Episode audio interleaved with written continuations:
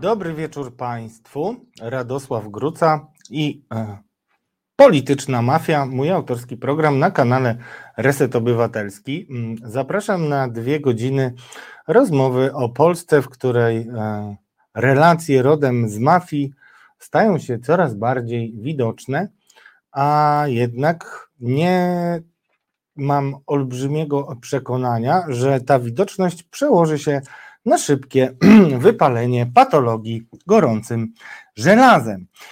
Dlatego, drodzy Państwo, postanowiłem jednak złamać takie postanowienie, które zrobiłem sobie parę miesięcy temu e, i zamknąłem już w zasadzie liczbę spraw i śledztw, które prowadzę i które uważam, że muszą koniecznie się one mm, pokazać przed y, wyborami, żeby Polacy mieli możliwość wyboru. Ale to nie znaczy, że po wyborach y, problemy się skończą, bo tak jak Państwu mówiłem, już rozpoczynając ten cykl, to nie jest niestety tak, że mafie wyrosły z samego PiSu, to raczej PiS stał się taką glebą, na której Mm, rozmaite grupy mm, przypominające bardziej mafię nawet niż jakieś grupy interesów, zaczęły realizować e, swoje biznesy na niespotykaną wcześniej skalę. E, I rozmawiamy oczywiście już e, przez 20 odcinków, w jakich obszarach życia możemy zaobserwować tego typu historie. Mm, I dzisiaj taka branża, która bardzo mi leży na sercu i która no, na pewno nie skończy się, jeśli chodzi, jako, jeśli chodzi o to mm, i o ten temat na naszym jednym programie. A drodzy Państwo, e, jest to historia, która dotyczy działania syndyków, czyli, e, czyli osób, instytucji w zasadzie wskazywanych między innymi między innymi akceptowanych przez Ministerstwo Sprawiedliwości, współpracujących z sądami w momencie, kiedy poszczególne przedsiębiorstwa mm, znajdują się w upadłościach. Wokół e, upadłości dużo się mówi mm, ostatnio, szczególnie o jednym e, z syndyków, e, panu Krzysztofie Gołębiu, i ten pan będzie y, naszym pretekstem do tego, żeby wyświetlić Państwu, w jaki sposób y, mm, syndycy działają i zadać podstawowe pytanie, czy w ogóle mm, ten system, który polega na kontroli sądowej działania rozmaitych syndyków, jest cokolwiek wart bo mm, kilka liczb i faktów dzisiaj przedstawi mm, Państwu jeden z przedsiębiorców, który od kilku lat stara się, mm, stara się nagłośnić e, patologiczne relacje w ramach e, tej dziedziny życia. Będzie naszym gościem w drugiej godzinie pan Paweł Paradowski, ale już sygnalizuję, bo wiem, że e, panowie i panie często czekacie na e, to, żeby obejrzeć na żywo poszczególne fragmenty naszego programu, więc e, na żywo e, pan Paweł ze studia opowie nam swoją historię i opowie nam, czy można się cieszyć z tego, że po niedzielnym programie w Polsacie, programie takim najbardziej znanym, programie interwencyjnym i chyba najbardziej rzetelnym po tym, jak pani E, Jaworowicz i e, parę innych redakcji zreiterowało. Mm, w tym programie opisano rozmaite aspekty działalności pana Gołębia i w programie wiceminister sprawiedliwości Marcin Warchoł zapowiedział wyciągnięcie konsekwencji i zawieszenie tego syndyka.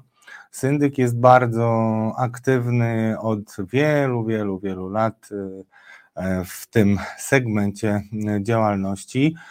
Pierwszy na poważnie i bardzo skrupulatnie zajął się tym Onet, między innymi Andrzej Gajcy i Łukasz Cieśla, dwaj dziennikarze, rozpoczęli opisywanie rozmaitych niepokojących faktów dotyczących działalności pana syndyka w Onecie w październiku. No jak widzicie, od października minęło miesięcy już 8 z hakiem, no i jakoś 9. I jakoś się nie śpieszono z tym, żeby mm, zająć się, mimo że sprawy były poważne i fakty, które obciążały pana Gołębia, mm, nie zostały w żaden sposób e, wyjaśnione natychmiastowo. Oczywiście syndyk, zważywszy na to, że też w środowisku prawniczym się obraca, e, wydał oświadczenie e, po tekstach. To oświadczenie zresztą przytoczę Państwu, natomiast już od E, kilku dni e, ciężko się e, znajduje jego oferty w internecie i generalnie wydaje się, że tymczasowo będzie musiał zawiesić kilka swoich działań i ma większe problemy. Natomiast to oczywiście jest tylko pretekst do tego, żeby zająć się szerszym problemem, a ja się zajmuję tym szerszym problemem w politycznej mafii, ponieważ mam takie niepokojące skojarzenia z sytuacjami, które miały miejsce na Ukrainie. Kiedyś zajmowałem się e, Ukrainą bardzo e, szeroko e, i wtedy badałem rozmaite patologie życia politycznego w Ukrainie. I tam usłyszałem o takim fenomenie, który się nazywa rajderstwo, czyli przejmowanie, mm, przejmowanie mm, majątków przez grupy różne. I tak się zacząłem zastanawiać, czy przypadkiem ktoś w Polsce nie wymyślił sobie, że może warto by było skopiować te wschodnie e, e, wzorce. I cóż, e, i mm, to samo zrobić w Polsce. Czy to w ogóle jest możliwe? Sami sobie odpowiecie.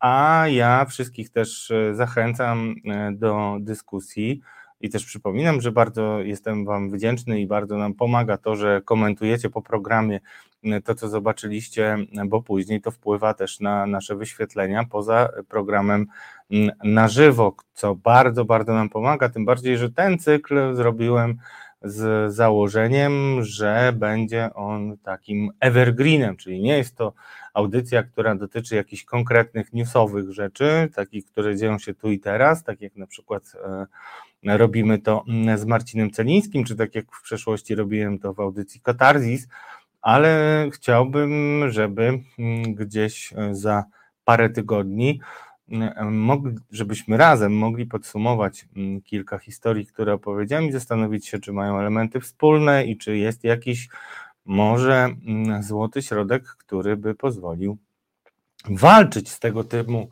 z tego typu grupami. Także pierwsze 10 mm, minut już za nami wstępu. Mm, jeszcze ten wstęp e, konkretny mm, przygotuję w drugiej godzinie.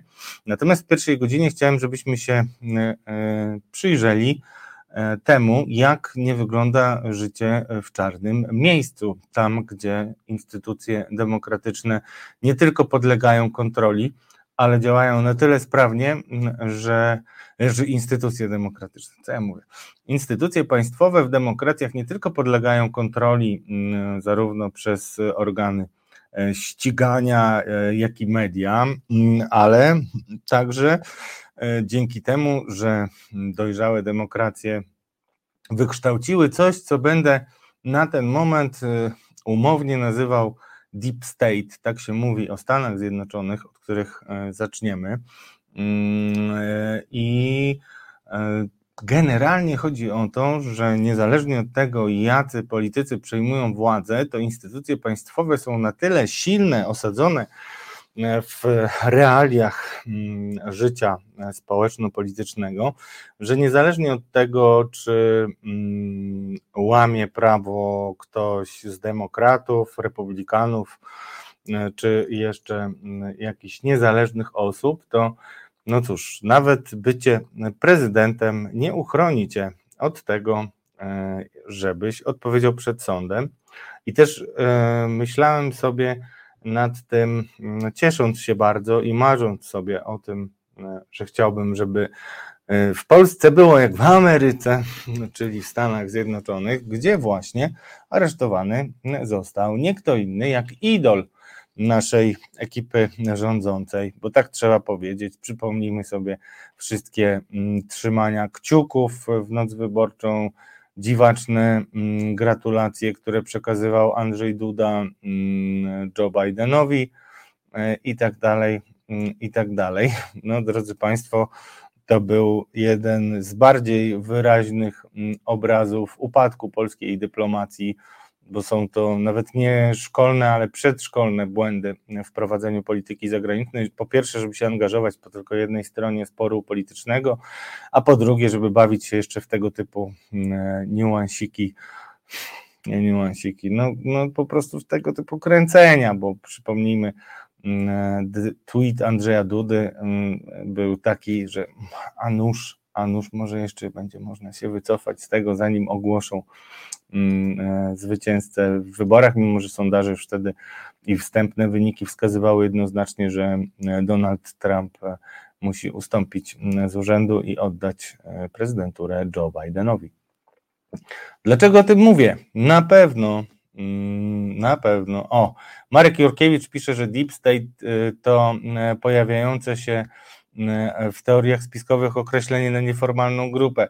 No, różne są określenia, natomiast deep state to jest generalnie mm, to, co chcę Wam powiedzieć. Umownie e, używam mm, tego znaczenia, żeby uświadomić Państwu, że generalnie niezależnie od tego, jaka ekipa rządząca przejmuje władzę w danym państwie, E, to to państwo funkcjonuje tak czy inaczej. Nie daje się po pierwsze zawłaszczyć żadnej z ekip, po drugie ma wieloletnią tradycję i też ludzie nie są tam zwalniani e, z miejsca. Nie mam tutaj na myśli tego typu obyczajów, e, jakie są w Stanach, że generalnie zmienia się prezydent, zmieniają się gabinety, część ludzi przechodzi na drugą stronę Kapitolu, na przykład do lobbingu a część e, zostaje. Tylko mam na myśli na przykład to, że w CIA ludzie, którzy zajmowali się mm, rozmaitymi mm, operacjami e, wywiadowczymi, kontrwywiadowczymi też czasami,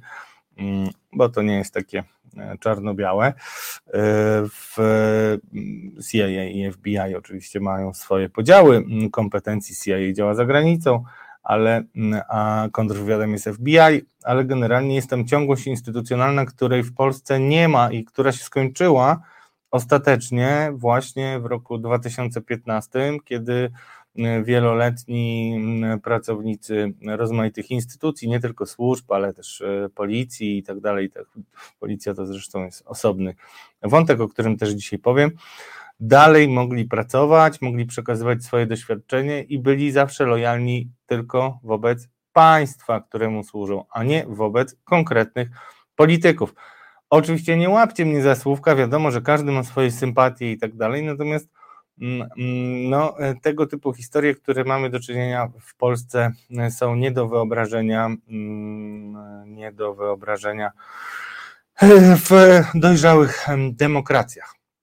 I teraz mm, jeden, e, dwa przykłady mm, tego, e, które mają mm, nam też pokazać, jak być może, jeśli determinacji e, tym, którzy przyjdą po obecnej władzy nie zabraknie, a przypomnę wszystkim, że każda władza przemija, mówiła to kiedyś pani premierka Ewa Kopacz, każda władza przemija i władza PiSu też przeminie. E, I takie myślenie niektórych e, polityków i też akolitów władzy, że jutra nie ma, że póki prokuraturę kontroluje nasz kolega partyjny czy z naszej koalicji, to już wszystko będzie dobrze, niezależnie jak bardzo nabroimy, nakradniemy i napełniamy przestępstw. To wszystko się jakoś rozejdzie po kościach. I też, drodzy Państwo, w takim wymiarze ogólnopolitycznym dotyczącym całej sceny przez wiele, wiele, wiele lat mieliśmy do czynienia z takim, można to chyba już nawet powiedzieć, taką niepisaną zasadą, że to, te rozliczenia polityczne poprzedników wprawdzie oczywiście występują. No, przypomnę, że mm, Platforma Obywatelska po przejęciu władzy w 2007 roku powołała innymi komisje śledcze do spraw pani Blidy, do spraw nacisków i tak dalej, i tak. Niewiele z tego wyniknęło, co jest zupełnie osobnym tematem, ale na pewno wyniknęło też z tamtych lat mm, poczucie e, krzywdy, które miał Zbigniew Ziobro, sam prokurator generalny i minister sprawiedliwości, jednocześnie prezes nowej partii Suwerenna Polska. Zbigniew Ziobro rzeczywiście był mm, mm, pod obstrzałem, bym powiedział, prokurator, tylko że ten cały obstrzał prokuratorów kończył, prokurator kończył się na tym, że musiał rzeczywiście przejechać kraj wzdłuż i wszerz, żeby poskładać rozmaite zeznania. No, zostawmy bez komentarza to, czy yy, nie powinno to dać do myślenia też panu Ziobrze, yy, czy on przypadkiem sobie nie zasłużył na to, żeby y, wiele spraw wyjaśniać, ale na pewno nie skończyło się to dla niego żadną konsekwencją w postaci Mm, sądu, procesu. I jak wiemy, to powinniśmy też pamiętać, nie skończyło się to też dla niego Trybunałem Stanu, bo zabrakło kilku głosów, nie była zdyscyplinowana Platforma Obywatelska i Sejm obronił przed Trybunałem Stanu Zbigniewa Ziobry, co może było największym błędem e, Platformy Obywatelskiej w ogóle w jej historii. Ale a na koniec, jak mówi Grzegorz Dalewski, na koniec Zbigniew Ziobro utopił laptop. Kto wie, może już jakieś piece e, są przygotowane e, gdzieś na wysypiskach, szczególnie, że coś mi się obiło uszy, że kilka wysypisk y, jakoś ma relacje dobre mm, z rozmaitymi, z rozmaitymi politykami blisko rządzących, więc może już jakieś piece y, się y, szykują i będziemy mieli powtórkę z rozrywki, czyli a takie tam szpargały palimy stare jakieś, jak to mówił Stopczyk Esbek w filmie Psy.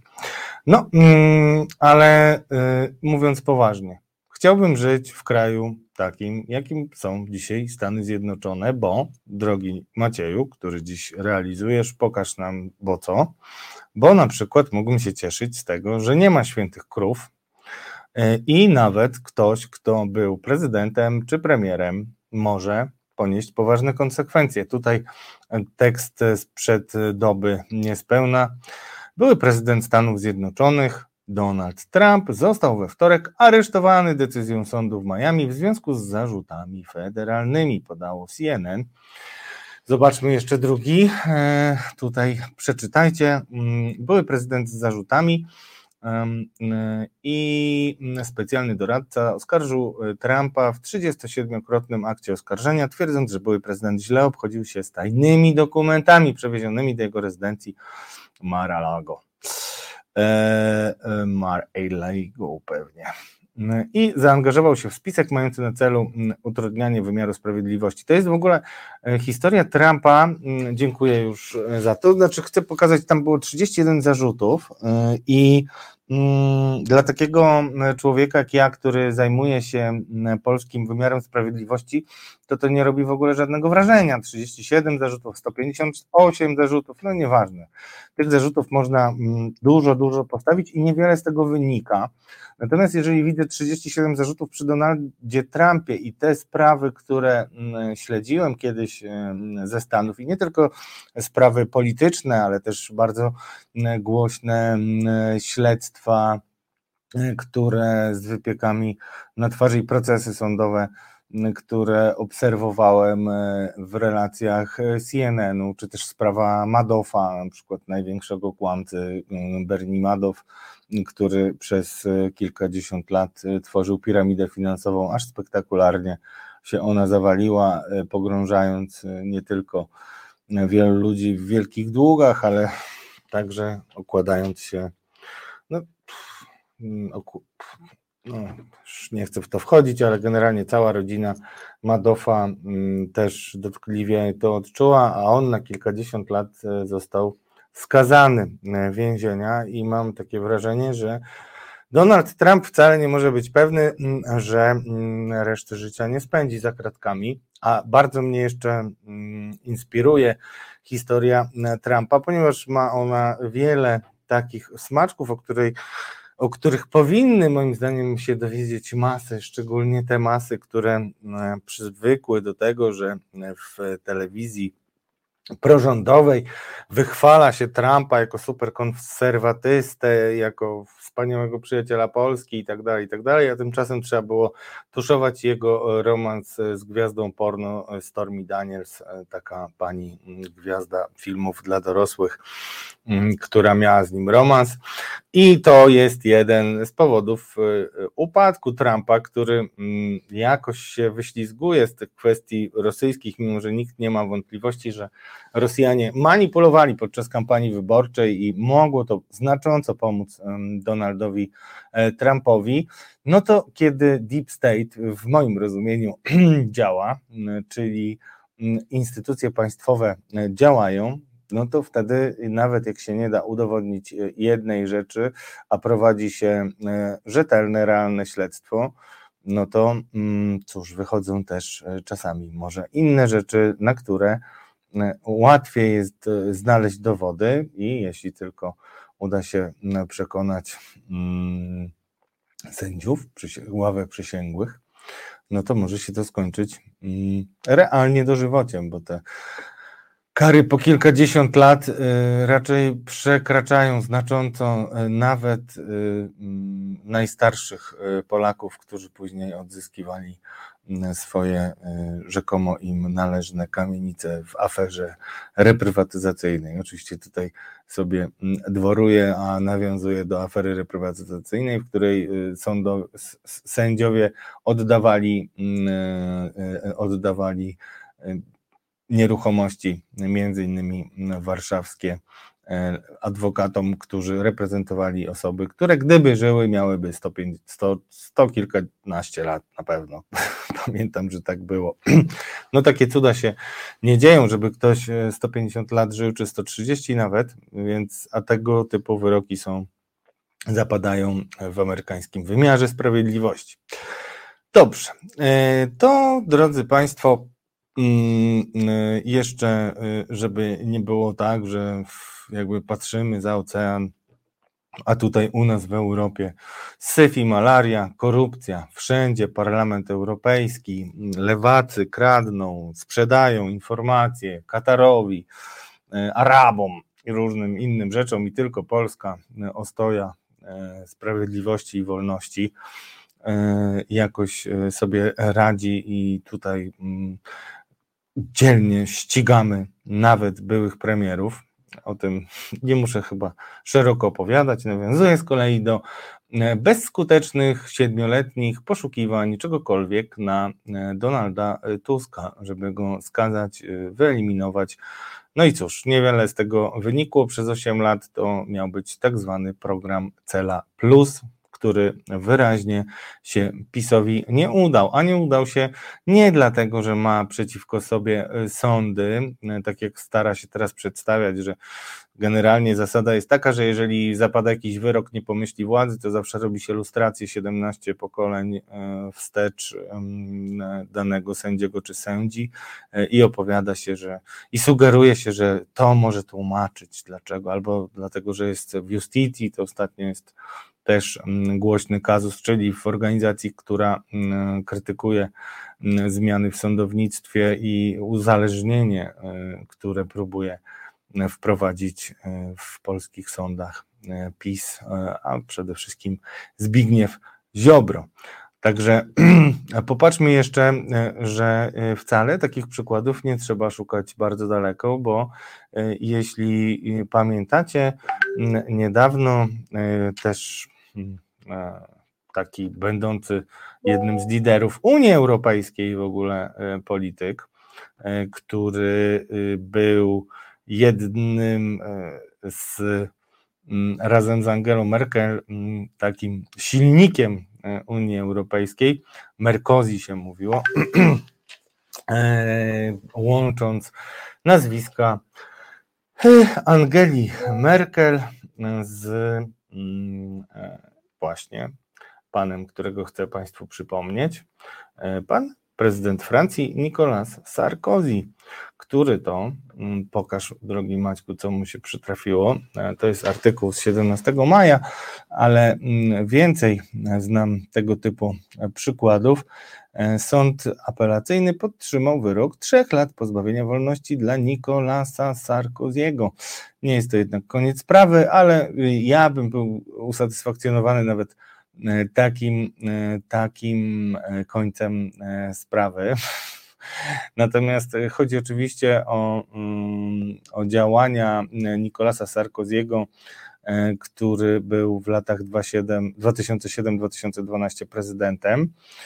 Za, skazany został mm, na wyrok dwóch E, na, na wyrok trzech lat pozbawienia wolności, w tym dwa w zawieszeniu za korupcję i nadużywanie wpływów politycznych.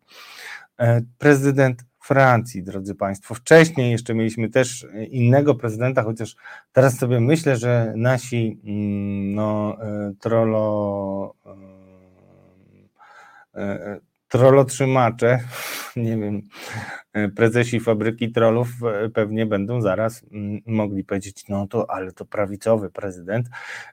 I rzeczywiście mm, też jeszcze mieliśmy takiego innego prezydenta wcześniej, mm, który źle się zapisał w historii Polski, bo nas bardzo brzydko pouczał i nie fajnie e, i głupio, e, bo kiedyś powiedział, że Polska straciła szansę, żeby siedzieć cicho. Mówił to akurat o polityce zagranicznej prowadzonej przez e, rząd e, lewicy w czasach, kiedy Aleksander Kwaśniewski razem z rządzącym SLD wysłali polskich żołnierzy do Iraku. E, I to bardzo się nie podobało Francji, która była w ogóle krytyczna wobec tej operacji i tak nas pouczał, ale nie dlatego o nim wspominam, tylko wspominam o nim, mimo że jest już odszedł z tego świata, też był e, prezydentem, który został e, skazany. I prezydentura, drodzy Państwo, drodzy Polacy, nie powinna absolutnie oznaczać bezkarności dożywotniej.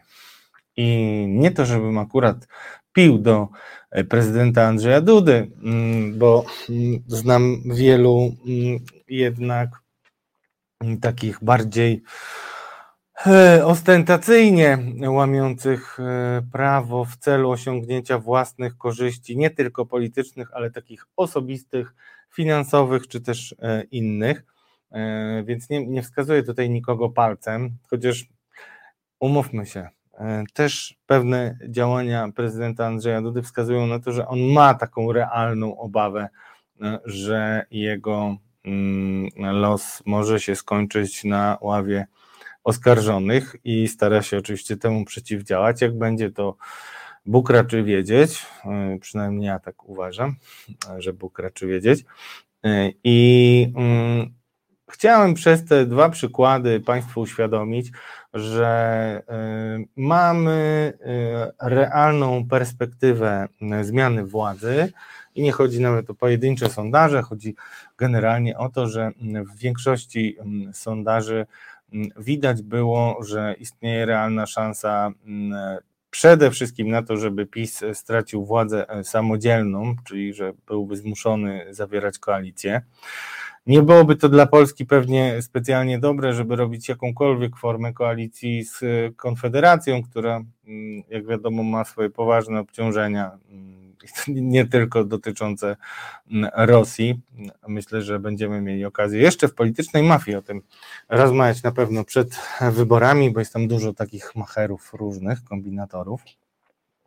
I też e, mamy tam wiele e, relacji e, około mafijnych, czy wręcz mafijnych w samym środku tego ugrupowania ale ważniejsze jest to, że wszyscy poza Konfederacją w opozycji jasno deklarują, że mm, sprawy, które miały miejsce w ostatnich ośmiu latach, muszą zostać rozliczone.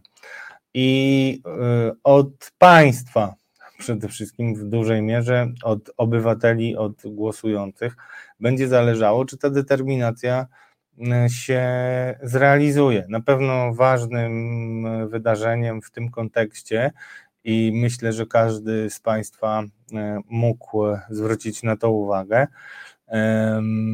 Było to, co wydarzyło się 4 czerwca na marszu. Na pewno nie było to przypadkowe. Donald Tusk wyszedł przed te kilkaset tysięcy protestujących i mówił o tym, że ślubuje, że będzie rozliczał.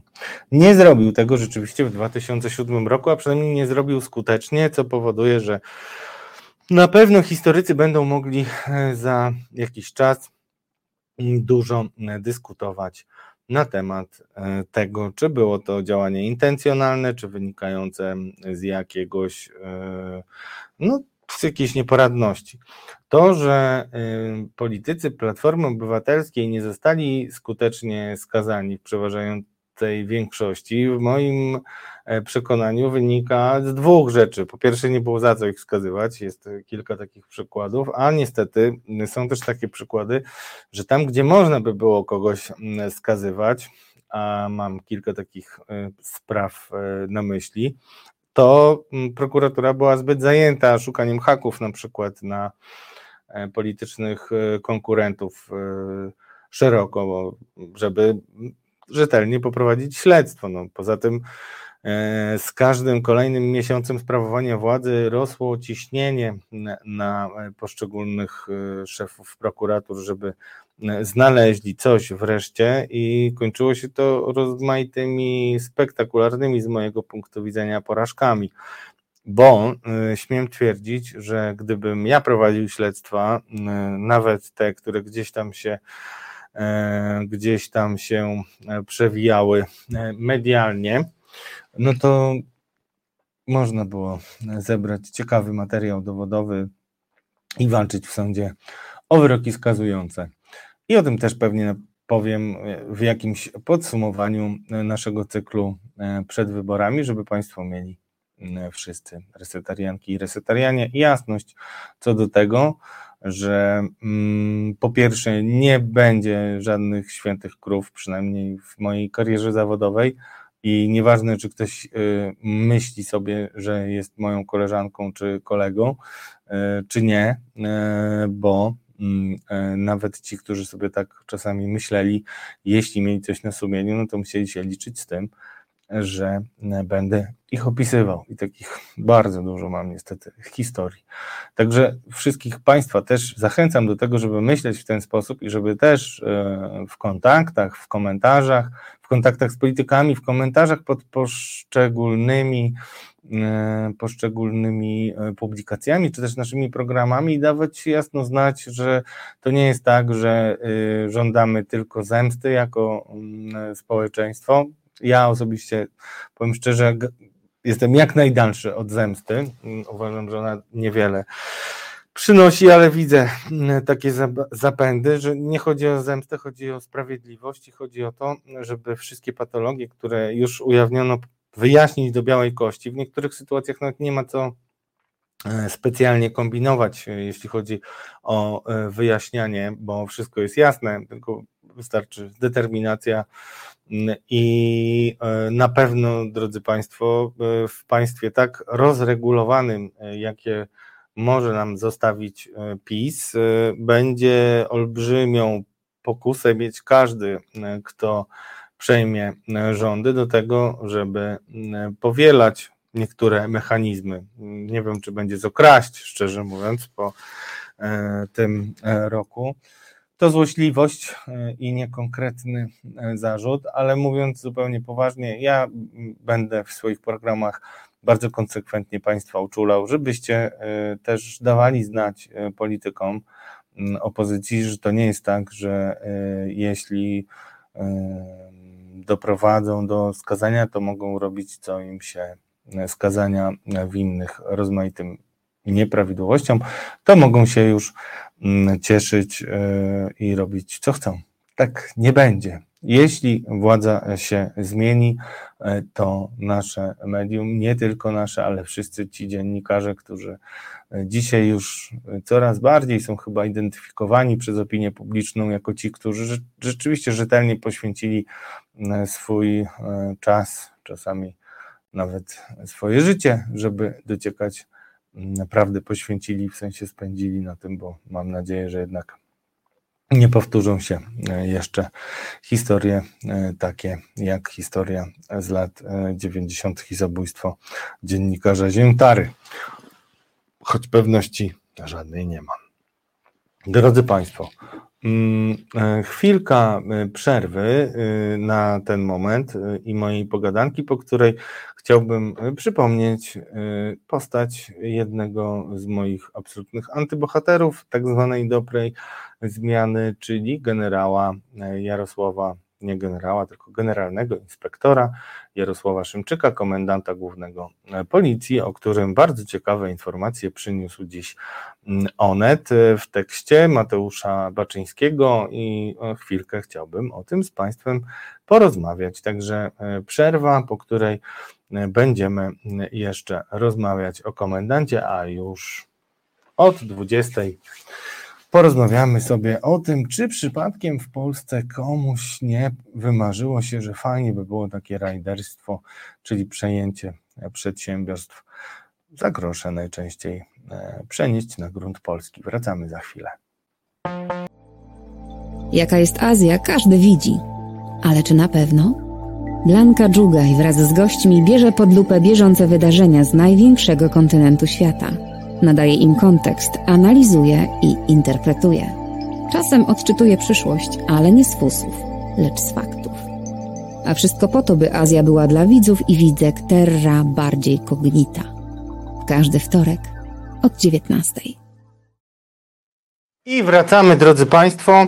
Pokaż jeszcze na chwilkę planszę naszych dwóch, proszę Cię, wspaniałych e, sponsorów. Jednym jest Agnodar, sponsor miesiąca. Bardzo dziękujemy Agnodarowi. A dzisiejszy program, drodzy Państwo, sponsoruje Piotr Tomaszkiewicz. Panie Piotrze, bardzo, bardzo dziękuję. To jest też ten moment, kiedy powinienem przypomnieć Państwu, że potrzebujemy bardzo Waszych wpłat. Szczególnie, że mm, Mam spore przemyślenia odnośnie tego, jak moglibyśmy jeszcze mm, rozkręcić dodatkowo zasięgi naszego kanału. One mm, systematycznie rosły. Teraz też wrócił Tomek, który na pewno będzie miał e, wiele Państwu e, do opowiedzenia i nie tylko e, Tomek, więc warto, mm, warto zanim wydacie wszystko na wakacje, jeszcze zabezpieczyć wasz mm, niezależny w pełni, w pełni kanał, wolne medium Reset Obywatelski. Bardzo was e, do tego bardzo zachęcam. A teraz, drodzy Państwo, e, chciałem e, opowiedzieć jeszcze jedną ciekawą historię dotyczącą publikacji, która dziś pojawiła się w Onecie i w której, mm, w której znalazłem mm, wątki E, z moich starych śledztw, co bardzo mnie też ucieszyło. Generalnie w tekście Nietykalni, co ukrywa e, komenda główna, Mateusz Baczyński, jeden z najlepszych dziennikarzy Onetu, moim zdaniem nie do końca doceniany, e, ale specjalizujący się właśnie w materiałach dotyczących policji i tego typu historii, to zresztą Onet postawił kropkę nad i, E, czyli mm, też kiedy razem z Mariuszem Gierszewskim ujawniliśmy mm, wybuch granatnika e, w komendzie e, i napisaliśmy, że był tam ranny, wysoki rangą funkcjonariusz policji, to Mateusz Baczyński miał na tyle kochones, żeby powiedzieć jasno, że jest to Jarosław Szymczyk. Też byśmy to zrobili, ale oni byli pierwsi i bardzo mnie akurat cieszy to, że, że, mm, że, o, że to oni że to oni. E, I teraz tak. Mm, e, co tu się e, wydarzyło? Momencik, bo nękają mnie kolejni informatorzy. Wybaczcie, nie wszystkie dźwięki udało mi się od razu wyłączyć. Mam za dużo różnych aplikacji i różnych dziwnych przygód, więc musicie mi wybaczyć ale e, tak, przeczytam wam lit tego tekstu Mateusza. Nękanie, poniżanie, zastraszanie i tuszowanie afer. Takie zarzuty swojemu przełożonemu stawiają policjanci z Biura Kontroli Komendy Głównej. Badała je specjalna komisja, ale mimo obciążających zeznań, szef policji, generał Jarosław Szymczyk uznał, że do żadnych nieprawidłowości nie doszło. Teraz sprawą zajęła się prokuratura i cytu, cytowane źródła powtarzają Mateuszowi Baczyńskiemu w Onecie. Ten człowiek wie wszystko o największych skandalach w polskiej policji, dlatego roztoczono nad nim parasol ochronny. Chodzi oczywiście o Biuro Kontroli Komendy Głównej Policji, które działa e, od lat oczywiście w strukturach KGP.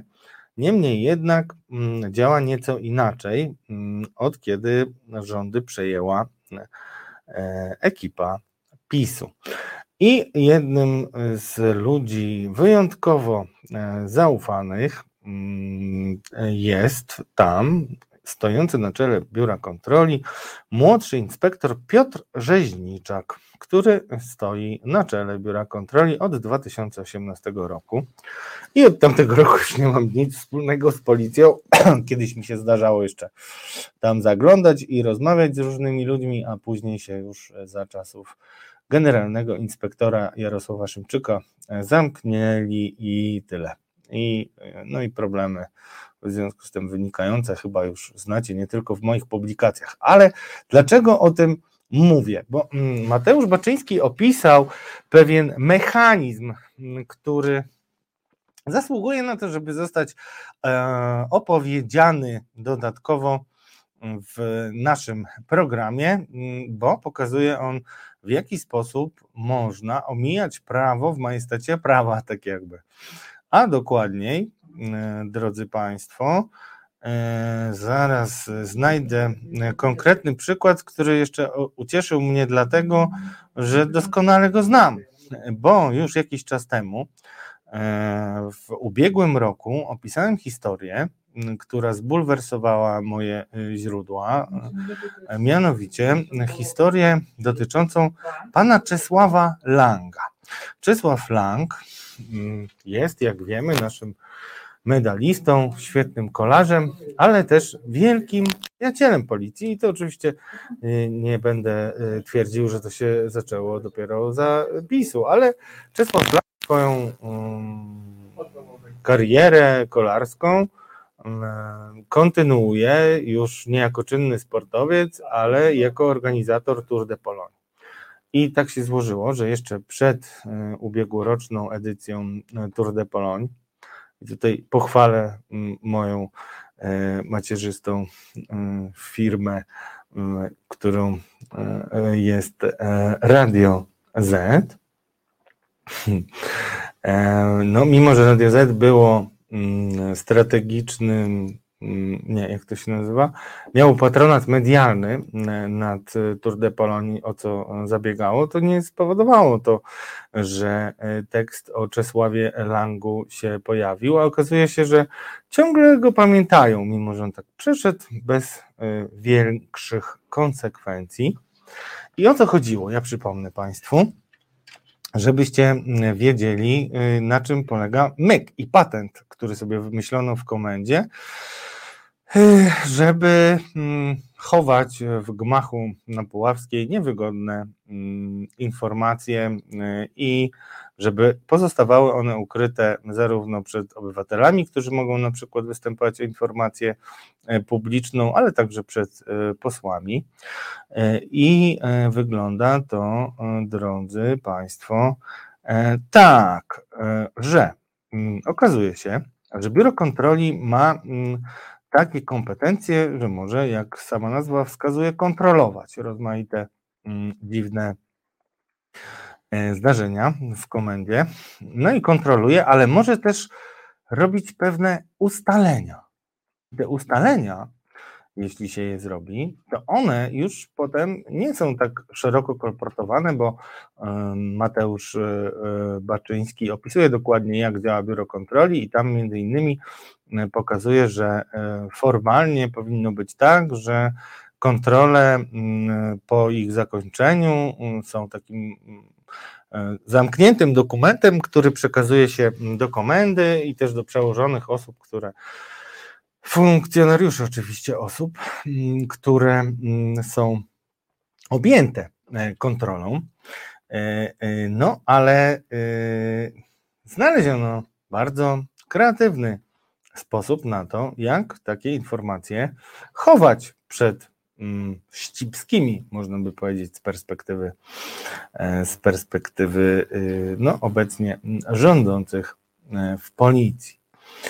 E, pan Piotr Rzeźniczak, którego moim zdaniem rozwałkował dokładnie Onet, jest zaufanym e, Jarosława Szymczyka i tak jak e, przeczytałem w Lidzie, z racji na to, że on jest skarbnicą wiedzy o rozmaitych patologiach, no to jest realnie nie do ruszenia. Zresztą tak jak jedna partia, która nami rządzi, przynajmniej taki stan ducha mają ci e, ludzie, zarówno z partii, jak i z komendy. Wydaje mi się, że są nie do ruszenia. No i tak w myśl starej maksymy, że władza e, deprawuje, a władza absolutna deprawuje absolutnie, pan Piotr Rzeźniczak mocno się wykazał według informatorów, na, informatorów Onetu na polu mobbingu, który szczególnie w służbach jest e, szczególnie trudny do e, stwierdzenia. Swego czasu nawet robiłem taki e, większy wywiad z, mam nadzieję, pamiętaną przez Państwa radcę prawną radczynię prawną Joannę Koczaj-Dyrdę, do której też zgłaszały się różne osoby ze służb, które ulegały mobbingowi.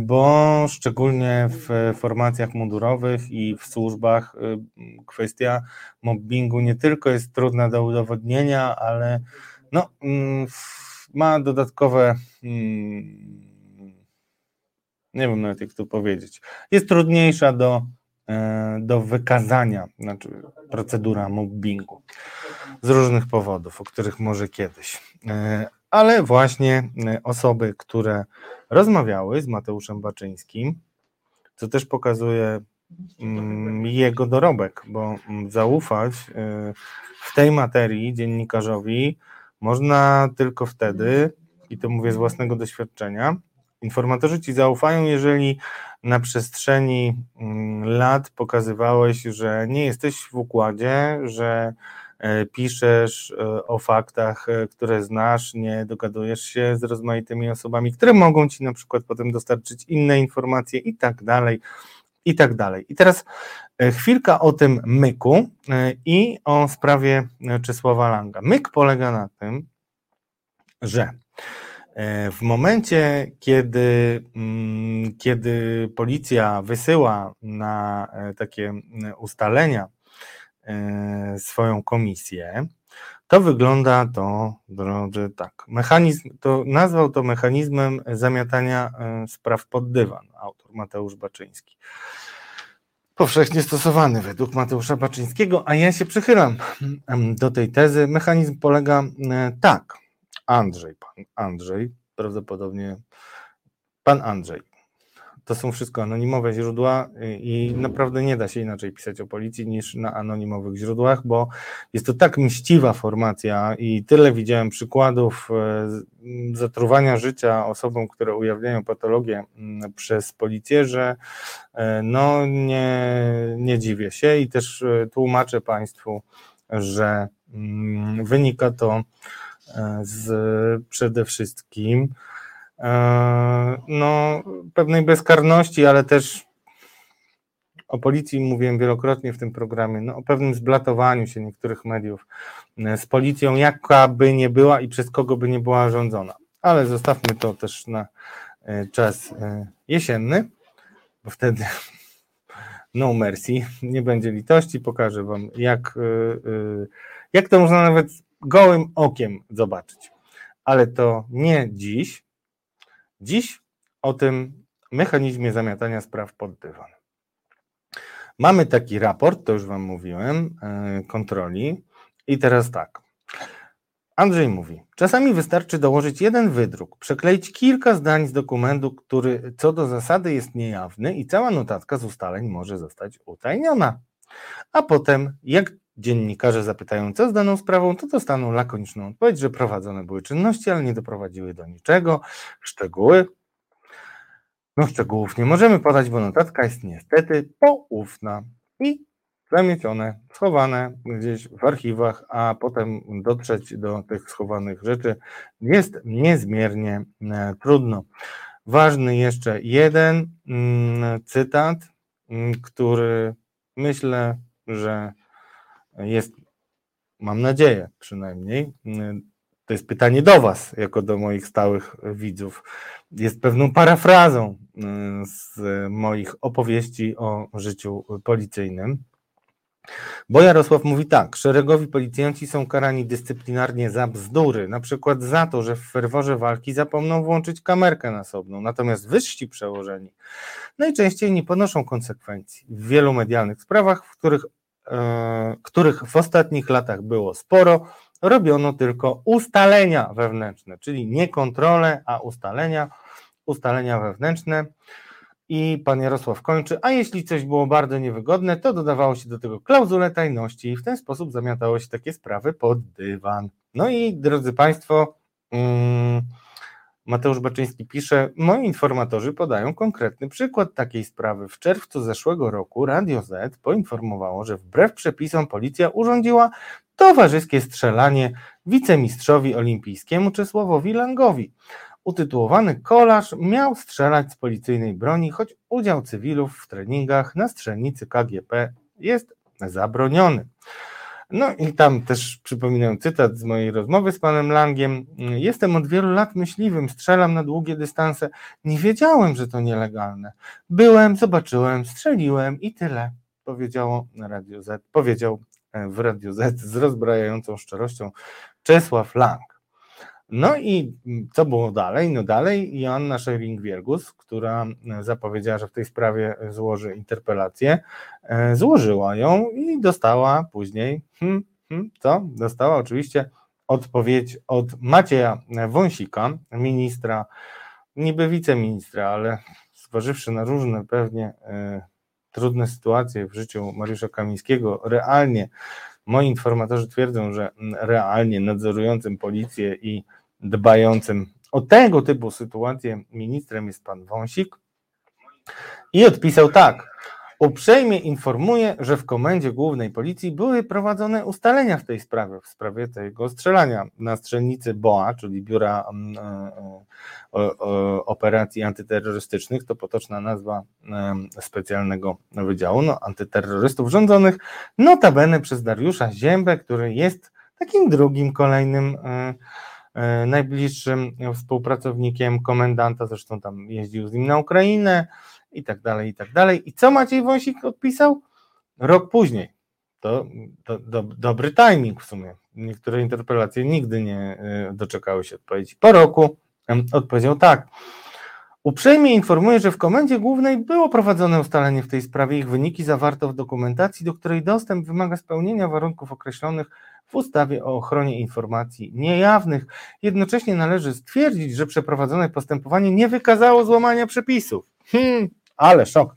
No to ja mogę Państwu powiedzieć, że mam nadzieję, że jednak jeśli zmieni się kierownictwo policji, e, to zajmie się tymi e, ustaleniami i sięgnie do protokołów, bo protokoły, które są e, na strzelnicy, dadzą bardzo jasny obraz tego, kto tam strzelał, jak został wprowadzony i że nijak, powtarzam, nijak, w żaden, absolutnie żaden sposób nie jest w stanie ta sprawa zostać e, zamieciona pod dywan jako e, rzecz, która odbyła się lege artis, bo po prostu, drodzy Państwo, Czesław Lank jako cywil nie ma w żadnej sytuacji wstępu na tego typu obiekty. To był obiekt e, na Bemowie, strzelnica e, dla e, policjantów z BOA.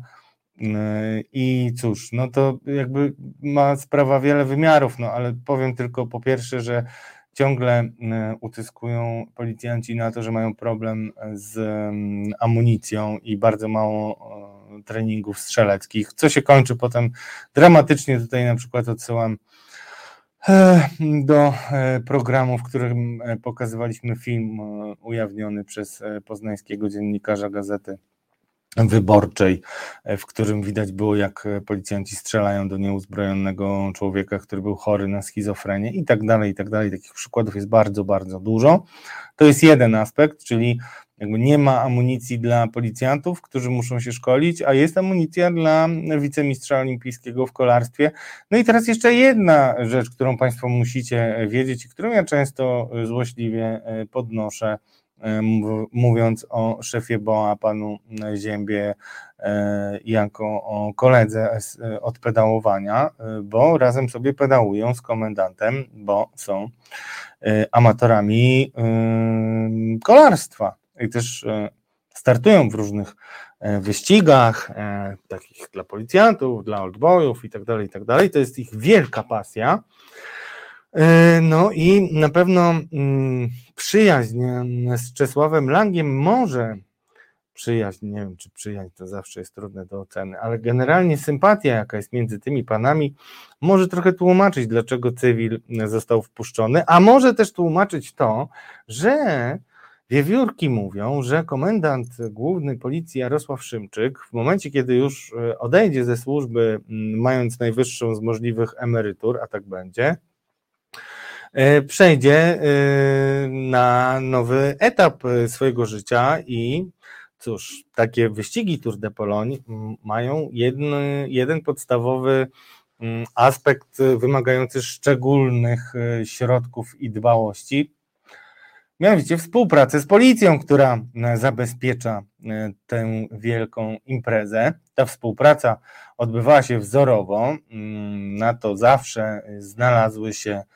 środki, żeby policjanci y, pomogli panu Czesławowi, no to może pan Czesław Lang się y, odwdzięczy. Czas pokaże. A ja cieszę się bardzo, że coraz mniej czuję się samotnie na tym polu walki o prawdę i mm, pokazywanie prawdziwej twarzy komendanta głównego oraz polskiej policji.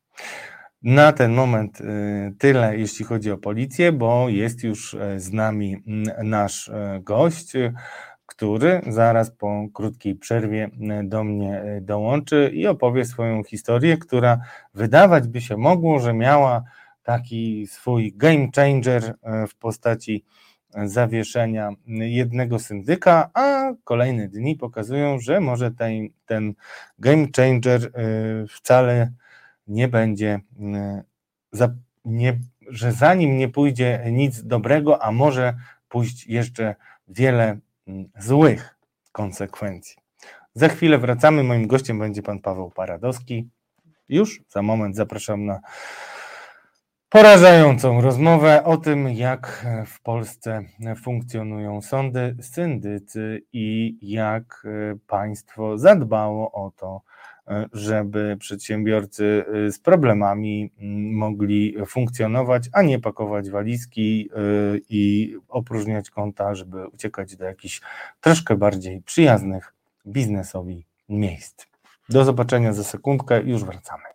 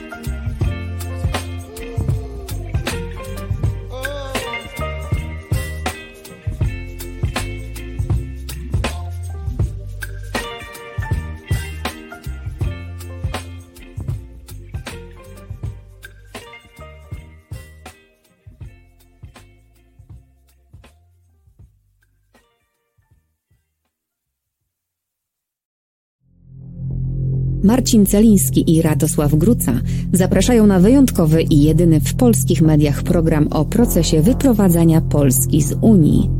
To nie zaczęło się dziś i nie skończy jutro, to działania trwające od lat. Obnażymy twórców i apologetów polexitu. Pokażemy kalendarium tego projektu, skonfrontujemy propagandę z faktami. Bez wyjścia.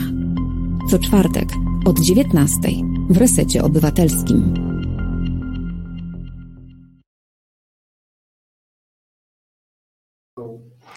Dobry wieczór Państwu. Radosław Gruca, polityczna mafia na kanale mm, Reset Obywatelski. A moim gościem jest pan Paweł Paradowski, dzień przedsiębiorca. Dobry, panie redaktorze, dzień dobry wszystkim. E, pan Paweł jest tutaj dzisiaj gościem, ponieważ e, zaimponował mi e, swoją determinacją, a dotyka spraw, o których słyszę mm, od bez mała, drodzy Państwo, 15 lat, 15 lat ale te sprawy ostatnio, y, no, wydawało się, mogą się skończyć jakąś odpowiedzialnością ludzi, co do mm, których w postępowaniu upadłościowym e, przedsiębiorcy mm, no, mieli dużo zastrzeżeń, mówiąc e, bardzo oględnie.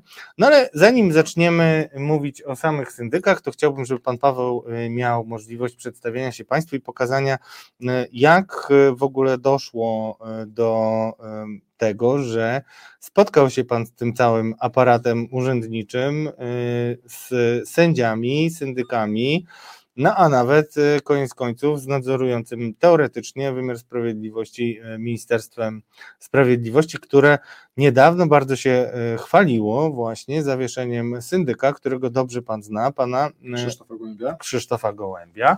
I tutaj, żebyśmy, zanim przejdziemy do samego syndyka, to chciałbym, żeby pan powiedział, bo ja bym szczerze swoją historię, bo kiedy się y, po raz pierwszy spotkaliśmy, już kilka razy rozmawialiśmy, bo temat jest y, skomplikowany, wielowątkowy i dzieje się tu i teraz i to jest dlatego ważne, żeby Państwo, e, e, państwo wiedzieli, że to jest dopiero początek rozmów i że naszym mediów obowiązkiem jest dopilnowywanie, mm, żeby e, politycy nie rzucali na wiatr mm, słów i prowadzili realne działania, a nie tylko tak w momencie, kiedy media coś e, podniosą, to oni powołają komisję, zrobią jakieś zawieszenie, a później e, winnych prawdziwych przestępstw i beneficjentów e, brak i ich nie znamy. Panie Pawle, niech Pan zacznie od tego, czym Pan się zajmował i jak to się stało, że no, doszło do upadłości i co później. Niech, I żeby było jasne, drodzy Państwo,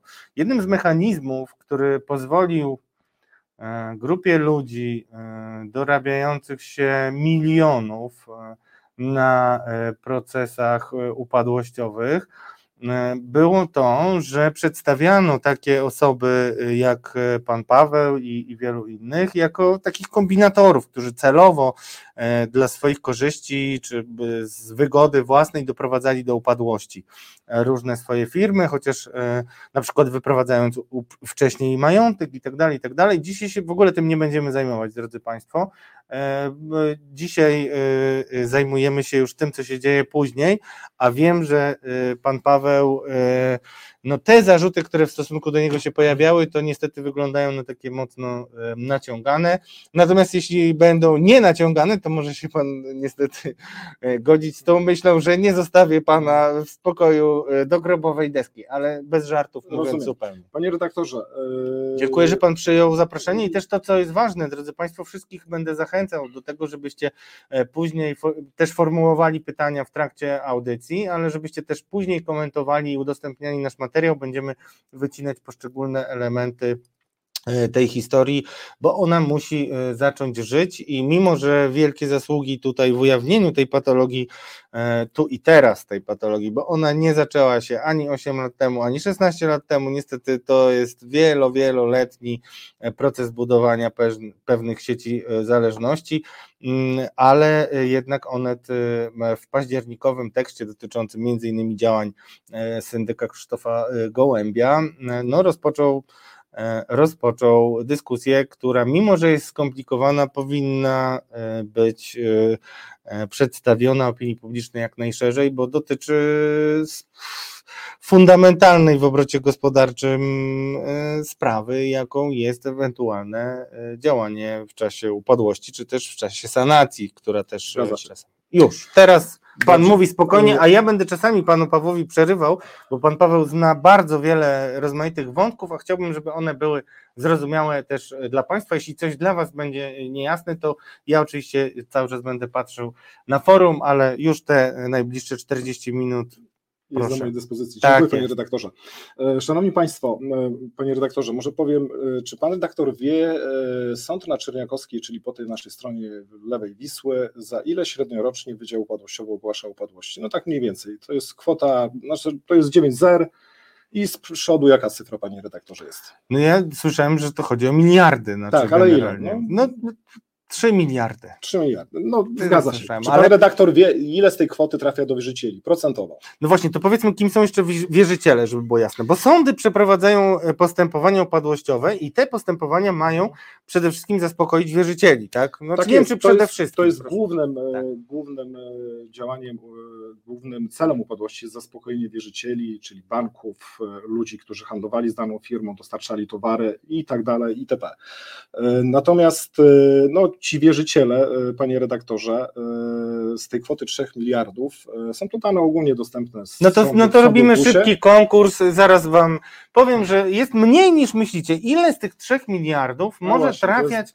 realnie do wierzycieli? To procentowo. Procentowo i też możecie strzelać kwoty, dajmy chwilę. No generalnie to jest samo w sobie przyczynkiem do wielkiej dyskusji, bo widać, że coś tam zdecydowanie nie działa. I teraz zanim, zanim rozstrzygniemy ten konkurs, to powiedzmy o tym, co Pana też jako przedsiębiorcę, który mm, no niestety miał tę nieprzyjemność, że musiał stanąć w upadłości. Z Pana doświadczenia, jak wygląda mm, ten e, proces e, i gdzie te pieniądze mogą trafiać, jeśli nie trafiają do e, wierzycieli?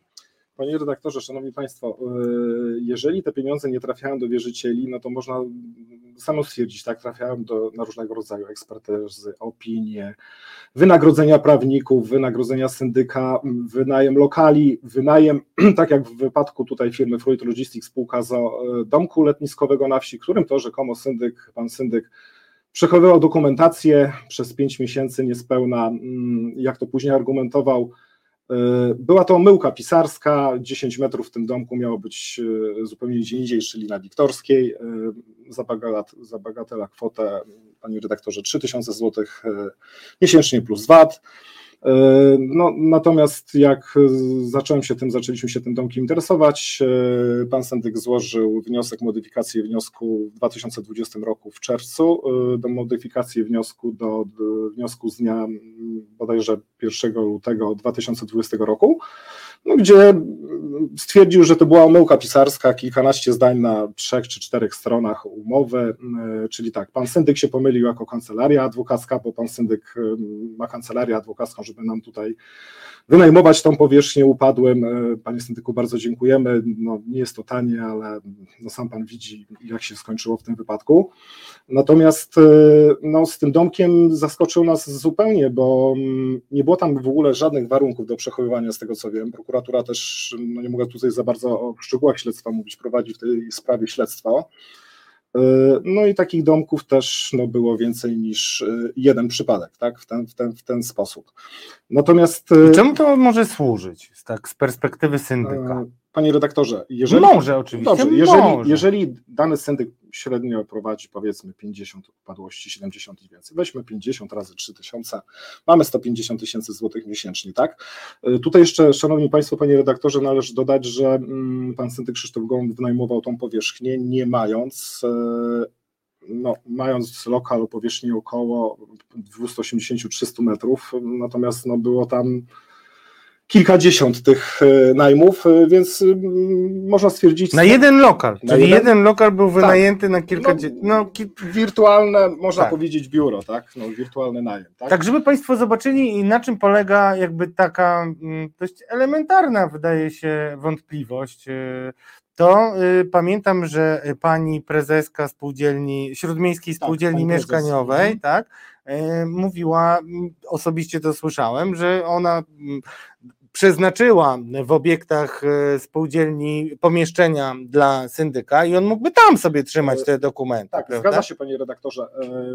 E, Śródmiejska Spółdzielnia Mieszkaniowa w upadłości też, gdzie syndykiem jest pan, znaczy był syndykiem pan Krzysztof Gołąb, bo 7 czerwca, e, szanowni państwo, pan syndyk został zawieszony zapewne jak wiecie z programu Polsat Państwo w Państwie E, pan minister Marcin Warchoł w trybie natychmiastowym. E, natychmiastowym. To o tym trybie natychmiastowym to sobie porozmawiamy, bo ja zwracam uwagę, że ten tryb natychmiastowy, żeby być natychmiastowy, potrzebował 9 miesięcy, żeby być natychmiastowym. I, i i tutaj będę się czepiał za chwilę, ale okej, okay, ten pan syndyk, właśnie o którym pan opowiedział, i którego historię i rozmaite wątpliwości opisywali koledzy z Onetu, tak. przez 9 e, miesięcy spokojnie sobie funkcjonował i podejmował też istotne decyzje dla majątku poszczególnych y, przedsiębiorstw. To tak. jest tak w tytule natychmiastowości działania Ministerstwa Sprawiedliwości. To jest moja oczywiście opinia. Mhm. Pan rozumiem na, na y, do, do 12 to się nawet bardzo chyba tak czuł pan pewną satysfakcję, tak. a dzisiaj się to trochę zmieniło, y, ale za chwilę. No Krzysztof Gołąb w pana historii E, panie redaktorze, tak, e, zaczęło to się wszystko po 24 mm, października 2022 roku, kiedy to Onet opublikował pierwszy artykuł serii Afera Upadłościowa, Układy w sądach e, i, i polityce. Wtedy mm, naprawdę Ministerstwo Sprawiedliwości, można powiedzieć, się tym szybko zareagowało, zainteresowało trafiła sprawa mm, no, na wokandę, tak, prokurator wznowił nasze umorzone śledztwa, wszystkie, które składaliśmy zawiadomienia. I tutaj Państwo warto, drodzy Państwo, warto też podkreślić tych zawiadomień, tak jak podkreślało ministerstwo, pan minister Marcin Warchoł w programie Państwo w Państwie w Polsacie, było ponad 20 do różnego rodzaju organów składaliśmy do prokuratury, na policję, mm, CBA, innych instytucji państwa. No i wreszcie nasz głos został, mm, powiedzmy, wysłuchany, tak? E, panie redaktorze, 16 marca mm, tego roku Ministerstwo Sprawiedliwości zorganizowało pierwsze spotkanie z nami pokrzywdzonymi. E, prokuratura połączyła wszystkie, prokuratura okręgowa Warszawa Prawa, pan prokurator Paweł Łapiński połączył te wszystkie sprawy do wspólnego mm, rozpoznania. E, toczą się wspólne wątki, czyli wspólny najem powierzchni, znaczy wspólny dla nas wszystkich wątków, najem powierzchni, opinie do opinii, i tak dalej. O opiniach do opinii porozmawiamy właśnie chyba na, nawiązując do tego, co się wydarzyło już po e, mhm. programie. Tak, i można stwierdzić, że no, po pierwszym, pierwszym spotkaniu, tak naprawdę w tym 16 marca tego roku w Ministerstwie Sprawiedliwości, na którym był pan minister Marcin Warchoł, był pan dyrektor e, Rafał Rejwer z Departamentu Prawa Gospodarczego i naczelnik e, sędzia mm, Grzegorz Kister. E, A naczelnik tego sądu? No, nie, to jest naczelnik, panie redaktorze, Departamentu tak, Doradców Restrukturyzacyjnych. Przeprowadza egzaminy i, i tak dalej. No, teraz pan naczelnik prowadzi też y, właśnie ten wielki audyt, bo, bo to po tym artykule. Tak, to jeszcze od razu powiem, y, mhm. bo tutaj pozwolę sobie, trzeba oddać y, kolegom mhm. zasługi. Oni to ruszyli, a naprawdę to, o czym my rozmawiamy, to jest wierzchołek góry lodowej, drodzy Państwo, i to wcale wierzchołek, który ja nie jestem pewien, że został nawet ten wierzchołek ujęty w tych materiałach w świetle tego, co wiem, tylko lic z materiału Łukasza Cieśli i Andrzeja Gajcy afera upadłościowa, cios w układ sędziów i mecenasów, znany syndyk zawieszony i czytamy tam tak, e, trwa największa w historii kontrola postępowań upadłościowych. W jej wyniku warszawski syndyk Krzysztof Gołąb, zarządzający olbrzymimi majątkami upadłych firm i spółdzielni, został zawieszony. Taką decyzję podjęło Ministerstwo Sprawiedliwości niezwłocznie to taka złośliwość, które po tekstach Onetu zajęło się jego kontrowersyjną działalnością. Trwają też prokuratorskie śledztwa dotyczące syndyka Gołębia oraz kontrole w sądach i wielkich kancelariach. Tutaj akurat wężykiem chciałbym podkreślić w sądach, bo kancelarie tak. to jest osobny y, wątek, a sądy są bardzo istotne w tych wszystkich procesach, bo to też powiedzmy mhm. i tutaj specjalnie, y, żeby trochę uporządkować naszą dyskusję mając też na uwadze, że ją dopiero rozpoczynamy. Chciałbym, żebyś, e, żeby nasz wspaniały realizator Maciej pokazał nam teraz e, samego pana, o którym rozmawiamy, żeby mógł tutaj nam przemówić, bo on zamilkł teraz już kompletnie, zresztą bardzo niechętnie rozmawia z dziennikarzami. E, kiedy już rozmawia, to głównie po to, żeby wydać z siebie coś takiego, co zaraz pokażemy. Pana Gołębia zaraz zobaczymy i ponieważ nie ma go e, w naszym studiu, a też konsekwentnie odmawiał odpowiedzi na różne e, trudne pytania, no to e, symbolicznie przekażemy mu głos, cytując kawałek jego oświadczenia, bo oświadczenie, drodzy Państwo, które przeczytamy, Maciek, Ty słyszałeś mnie, prawda? Dobrze. Oświadczenie, o tutaj mamy oświadczenie, to już, to jest bardzo ważne, bo my rozmawiamy, tak. drodzy Państwo, 14 czerwca.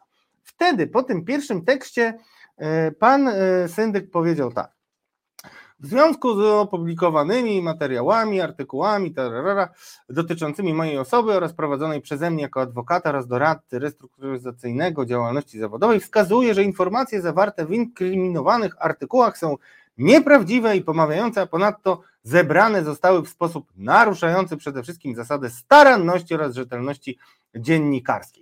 E, to oświadczenie jest długie, oczywiście wy je e, zobaczycie, e, wy je widzicie na ekranach, możecie potem sobie też przeczytać w całości, ale to, co jest bardzo istotne właśnie w tym temacie, to druga część tego oświadczenia, dokładnie. I to jest najważniejsze.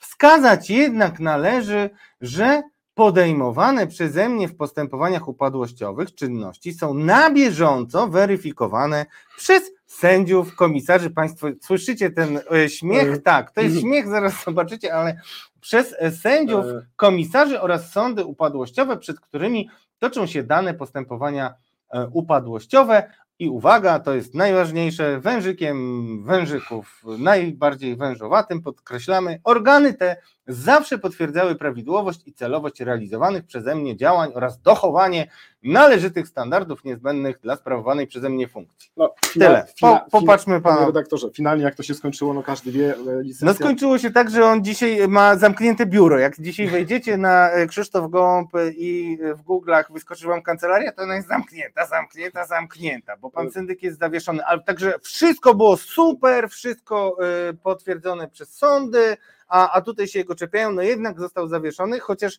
ta niezwłoczność się rozciągnęła w czasie 9 miesięcy. Panie Pawle, teraz proszę o komentarz. Tak, e, no 9 mm, miesięcy. Panie redaktorze, ja to jestem zdania lepiej późno niż wcale, no coś ministerstwo zrobiło. No pan strasznie kąsiliwy na to ministerstwo, ale rozumiem. Nie, bo ja po prostu e, uważam, też... że oni są dzisiaj na musiku, bo oni, e, tak jak powiedziałem na początku, mhm. najpierw kontrolę robią zawsze. Zawsze jest jakaś kontrola. No, czyli coś zrobiliśmy. Nie, nie, nie, nie, nie. nie Jeżeli ktoś, tu jest audyt, ok, audyt, kontrola, to, to w tym momencie jest audyt bardzo, bardzo drogi audyt, audyt prawie za milion złotych.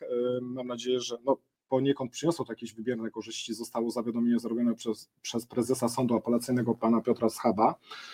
E, na podstawie to już jest e, audytu wewnętrznego postępowanie w sądach, e, które, który, których uczestniczył Krzysztof Gołąb i to złożone zostało do prokuratury okręgowej Warszawa-Praga, połączone mm, do wspólnego prowadzenia z naszym śledztwem w prokuraturze Warszawa-Praga. Natomiast drugie zawiadomienie, następne zawiadomienie może można powiedzieć w ten sposób, złożył też, złożyło Ministerstwo Sprawiedliwości. Yy, jak to nam określili, są to rażące naruszenia prawa. Ja też nie mogę bardzo wchodzić tutaj w kompetencje mm. prokuratora i nie chciałbym ujawniać yy, tajemnicy śledztwa, natomiast no, są to bardzo poważne, yy, szanowni państwo, zarzuty. Być może w najbliższym czasie będziecie mieli okazję zobaczyć prokuraturę w akcji. Też mam taką nadzieję i życzę tego sobie i innym pokrzywdzonym. Ponieważ, no, panie redaktorze, no, dotyczy to, pan może wyjaśnijmy jedną rzecz, tak. znaczy słuchaczom. Pan syndyk działał, każdy syndyk, każda firma, każda osoba fizyczna jest, powinna działać w granicach prawa, tak? No, natomiast w wypadku pana syndyka, no były to działania, tak jak to ministerstwo określiło i prokuratura, no poza granicami prawa, tak? Praktycznie to zawieszenie przypieczętowało tak e, naszą gehennę, w moim wypadku 4 lata, w przypadku Śródmiejskiej Spółdzielni Mieszkaniowej 8 lat, 5 lat za pod rządami pana Gołębia, byłego syndyka. E, BHP inspektor pan Dariusz Szymański 4 lata, Włodarzewska Development spółka akcyjna. Czyli jest naprawdę bardzo lat. dużo. Jest, tych tych pokrzywdzonych jest dużo. Jeszcze tak. taką znaną firmą, która też e, jest w upadłości jest Ursus, prawda, tak, który Polmot też... Ursus w upadłości, gdzie mm, już nie pamiętam dokładnie, którym, czy w Polmocie, czy w Polmot Holding jest pan, e, syndykiem jest, znaczy był pan Krzysztof Gołąb, mówimy już w czasie byłem, był, e, Natomiast. E, byłem, bo jest zawieszony, tak? To tak. on generalnie na razie milczy. No ale to, to zaraz, no to bo, bo jest pan w programie Polityczna Mafia, w którym mhm. rozmawiamy o pewnych układach, e, które nie są tylko wokół jednego człowieka i tutaj e, wokół mhm. syndyków, nazwijmy to z największych kancelarii na razie umownie, e, no po pierwsze, oni, każdy prawie z nich, i to jest ważne, mhm, tak. może napisać takie samo oświadczenie. Mhm. Że przecież wszystko, co ja robiłem, było przez sędziów klepane. Ja, panie redaktorze, tutaj mm, powiedziałem to na spotkaniu z dyrektorem Rajwerem, już nie pamiętam, czy 16 marca, czy w Ministerstwie Sprawiedliwości, czy 25, 16 marca bodajże. E, podałem taki przykład, e, chyba jeszcze wtedy pan minister był e, z nami na sali, pan minister Marcin Warchoł. Podałem przykład, że jakby no, syndyk chciał kupić mm, kolekcję czołgów Abrams lub innych i sędzia komisarz by to zaakceptował. No, powiem tak, no, jest to przykre, bo mm, trudno mi jest powiedzieć, nie, nie będę wchodził w kompetencje sądów, tak, mamy sądy niezależne, tak, no bynajmniej tak. powinno być, panie redaktorze, natomiast rzeczywistość, y, szanowni państwo, no jest zgoła inna. No to dobrze, to od razu, złapmy byka za rogi. Problem polega na tym, drodzy państwo, że mm, sędziowie, którzy zajmują się, zajmowali się na przestrzeni wielu lat e, upadłościami, no bynajmniej po końcu swojej kariery nie zawieszają togi na kołku i nie zajmują się wędkowaniem, tylko w zasadzie po tym, jak odchodzą z zawodu, to wtedy dopiero się zaczyna złote żniwa yy, i czas Eldorado. Tak, panie, I dlaczego tak? Panie redaktorze, tak. prosty przykład. Sąd, pan syndyk Krzysztof Gołąb w swojej kancelarii, chwali się z tym zresztą na stronie, nie jest to żadną tajemnicą, było to w programie też Państwo w Państwie, zatrudnia byłych sędziów. Zatrudnia no, taki sędzia po odejściu tak przez dwa lata no, sądu, zakończeniu pracy ma karencję, nie może pracować, natomiast później może wykonywać tak, wolny zawód, jest doradcą i tak dalej. Teraz tak, taki sędzia mm, w czasie pracy w sądzie, panie redaktorze, kształci no, swoich uczniów, asesorów y, i, i tak dalej, tak? Później po odejściu takiego sędziego mm, o odejściu w stan spoczynku, czy odejściu no, na wcześniejszą emeryturę, mm, zostają jakieś układy, tak, zostają jakieś, e, no to jest tak, jeżeli do takiego mm, asesora już sędziego, y, czyli przyjdzie jego mentor, no panie redaktorze, czy złoży jakiś wniosek, jak on może być, szanowni państwo, rozpatrzony, no to możecie sobie sami dopowiedzieć, tak, nie chcę się tutaj narazić na jakieś pozwy, aczkolwiek i tak się spodziewam wszystkiego, wszystkiego po, po, po, po, po, że tak powiem, po tych ludziach, natomiast yy, też, żeby była jasność, panie redaktorze, wspomnę jeszcze, Zrobiłem panu syndykowi prywatny akt oskarżenia po tym, jak mi pomówił e, w artykule 24 mm, października 2022 roku w Onet, że zapłaciłem redaktorom, niezależnym, wolnym redaktorom e, pieniądze za to, żeby zrobić o nim materiał i zostało to opublikowane w ogólnopolskim medium, czyli w Onecie. Yy, natomiast pan syndyk Krzysztof Gołąb zrobił mi wzajemny prywatny oskarżenia, gdzie praktycznie każde, każde słowo, które powiedziałem wtedy w tym artykule, możecie Państwo przeczytać na łamach Onetu i na stronie aferaupadłościowa.pl. Yy, każde, każde, czepia się każdego słowa, mm, gdzie no, Generalnie teraz 28 czerwca będę musiał się tłumaczyć, no, tłumaczyć w sądzie, właściwie to będzie posiedzenie pojednawcze, czy, czy, będę, czy, czy będę zainteresowany pojednaniem się z Krzysztofem Gołębiem. Powiem tak, sytuacja dla pana Krzysztofa Gołębia się trochę zmieniła, bo mm, w tym momencie no to on jest zawieszony. Y, mam nadzieję, że do tego czasu prokuratura zadziała i też stanie na wysokości zadania, panie redaktorze. Bardzo na to liczymy. Natomiast y, mówię to tylko po to, szanowni państwo, żebyście wiedzieli, że wszystkie osoby, które były występowały w tym artykule, dostały prywatny akt oskarżenia, mm, pozwy cywilnoprawne. Onet też się z tym boryka. Natomiast no też. Znaczy, to też jeszcze ważne, bo też e, w tym e, ostatnim tekście mhm. wyczytałem, normalnie się o tym nie mówi, bo to są kwestie sądowe i nie dotyczą e, publikacji. Często jest niestety tak, że sąd nakłada zabezpieczenie powództwa. To jest ta historia, którą Państwo możecie znać z kuriozalnego, wydawałoby się kuriozalnego e, orzeczenia w sprawie Marty Lempart, że ona nie może mówić, że Ordo Juris to fundamentaliści finansowani przez Kreml, że ona nie może tak. tego mówić. I takie podobne postępowania wytaczają ludzie, którzy mają dużo do stracenia, żeby zamknąć usta. I czasami im się udaje, czasami się nie udaje Podobnie. i Iwonecie się nie udało, dlatego też, tak. ale to zawsze i nie miejcie Państwo ani pretensji, ani złudzeń, to zawsze wpływa na wydawcę, tak? Znaczy, jeżeli tak. wydawca z jednego materiału ma 500 problemów, a z 500 ma po jednym problemie, to woli jednak puścić 500 z jednym problemem niż y, jeden z 500 no. Zgadza się, panie redaktorze, tylko nie zapominajmy o jednej rzeczy. Artykuł 24 października odbił się tak szerokim echem, że mm, no, można w cudzysłowie powiedzieć, że sądy i syndycy i cała ta otoczka współpracow współpracowników syndyka no, była sparaliżowana przynajmniej przez trzy dni, yy, można wysnuć. Natomiast faktycznie... No bo, ale to jeszcze powiedzmy jedną rzecz, przepraszam, Aha. że wchodzę w słowa, będę, żebyśmy Dobrze. mieli, trzymali temat, bo mówię, on jest Aha. tak duży, że na pewno byśmy nie, nie wyrobili, chociaż my mamy taką tradycję też w resecie, że czasami jak sprawy są wielowątkowe, to potrafimy nawet zrobić 3-4 odcinki, co potem yy, pani prezes ZUS e, dotkliwie e, zresztą Aha. odczuła. Ale y, mówiąc wprost, bo to nie jest tak, drodzy Państwo, i to mówię ja odpowiedzialnie, że pan Paweł razem z grupą zdeterminowanych ludzi, którzy po prostu nie pozwalają sobie na absolutne bezprawie i nie zostawiają tego, y, nie, nie odchodzą z założonymi rękoma. Ja kilka nazwisk z tych spraw i kilka podmiotów, z, które są mhm. objęte dziwnymi postępowaniami, znam od lat bez mała 20. Naprawdę, szczególnie nazwisko, które padnie na końcu.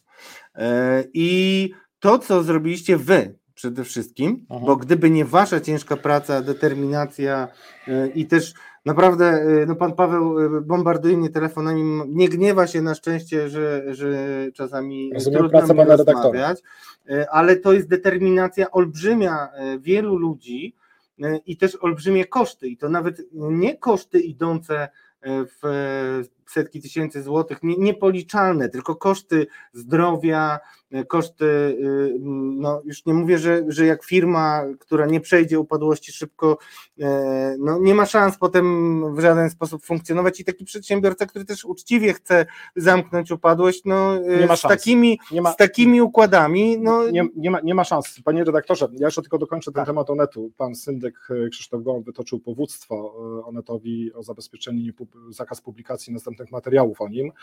Niestety przegrał to z Kretesem, sąd już jest to postanowienie prawomocne. Sąd e, podzielił zdanie dziennikarzy, że dochowali wszelkiej należytej staranności i tu ukłon dla Was, dziennikarzy, panie redaktorze. E, I cały materiał, który powstał, e, tekst, który powstał na kanwie materiału, to były zawiadomienia do prokuratury, CBA, na policję mm, i do innych instytucji, ORA, OIRP były podstawy, tak? Były podstawy prawne. Nie powstał on y, na zasadzie, że my pokrzywdzeni, grupa już liczy ponad 100 osób, było jeszcze nas niedawno 78, teraz doszło, doszło no momentalnie po 7 czerwca jeszcze kilkanaście osób.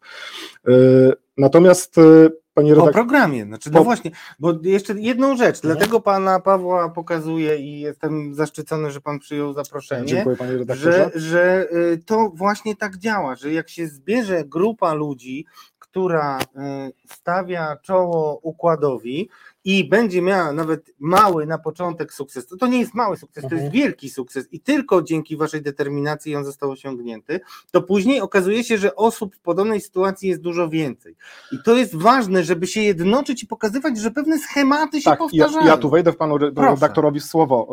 E, ci ludzie, większość tych ludzi, się, która się teraz zgłasza, po 7 czerwca odebraliśmy ponad 600 e, maili, Szanowni Państwo, nie nadążamy wszystkich odczytywać, wszystkim odpowiemy, tutaj Państwa zapewniam. Natomiast y, ta grupa ludzi, która, mm, która liczy, mm, która liczy, no, troszeczkę straciłem wątek. 100 osób mówił Pan, że grupa Stu, teraz już... Tak, jeżeli zbierze się dana grupa e, osób, nie będzie to jedna czy dwie osoby, czy więcej, e, zachęcamy Państwa więc do aktywności, wtedy jest szansa, że no, głosy, politycy usłyszą Wasze, nasze głosy, to w końcu my ich wybieramy, my na nich głosujemy i my decydujemy, tak, to są E, ludzie, funkcjonariusze publiczni pracujący za nasz, z naszych podatków, tak? My jesteśmy no, płatnikami dla nich, tak, w ten, w ten sposób. I zachęcam tutaj wszystkich do wszelkiej aktywności, natomiast no, powiem tak, no, trzeba się liczyć z pozwami, trzeba się liczyć z prywatnymi aktami oskarżenia, trzeba się liczyć z tym, że byliśmy szkalowani, że to przez nas to upadłości i tak dalej. Ja powiem, że w swoim wypadku mm, Fruit Logistic e, firma zajmowała się eksportem owoców e, i warzyw, głównie owoców do Federacji Rosyjskiej. Pierwsze embargo, drugie embargo i obecna wojna na wschód przekreśliły praktycznie mm, możliwość zarobkowania. Um, no, Legalnego. Tak, panie redaktorze, no, to gdzie to jest był główny, główny, główny odbiorca, gdzie odbierał ponad, można powiedzieć, 90% owoców, więc e, w 16 roku, kiedy firma handlowała na markety, miała 30 milionów obrotu, zysk około 300 300 tysięcy czy 270 tysięcy złotych netto. Natomiast kiedy te owoce zmarzły, no marżowość już była mała tak w porównaniu z mhm. handlem do Federacji Rosyjskiej.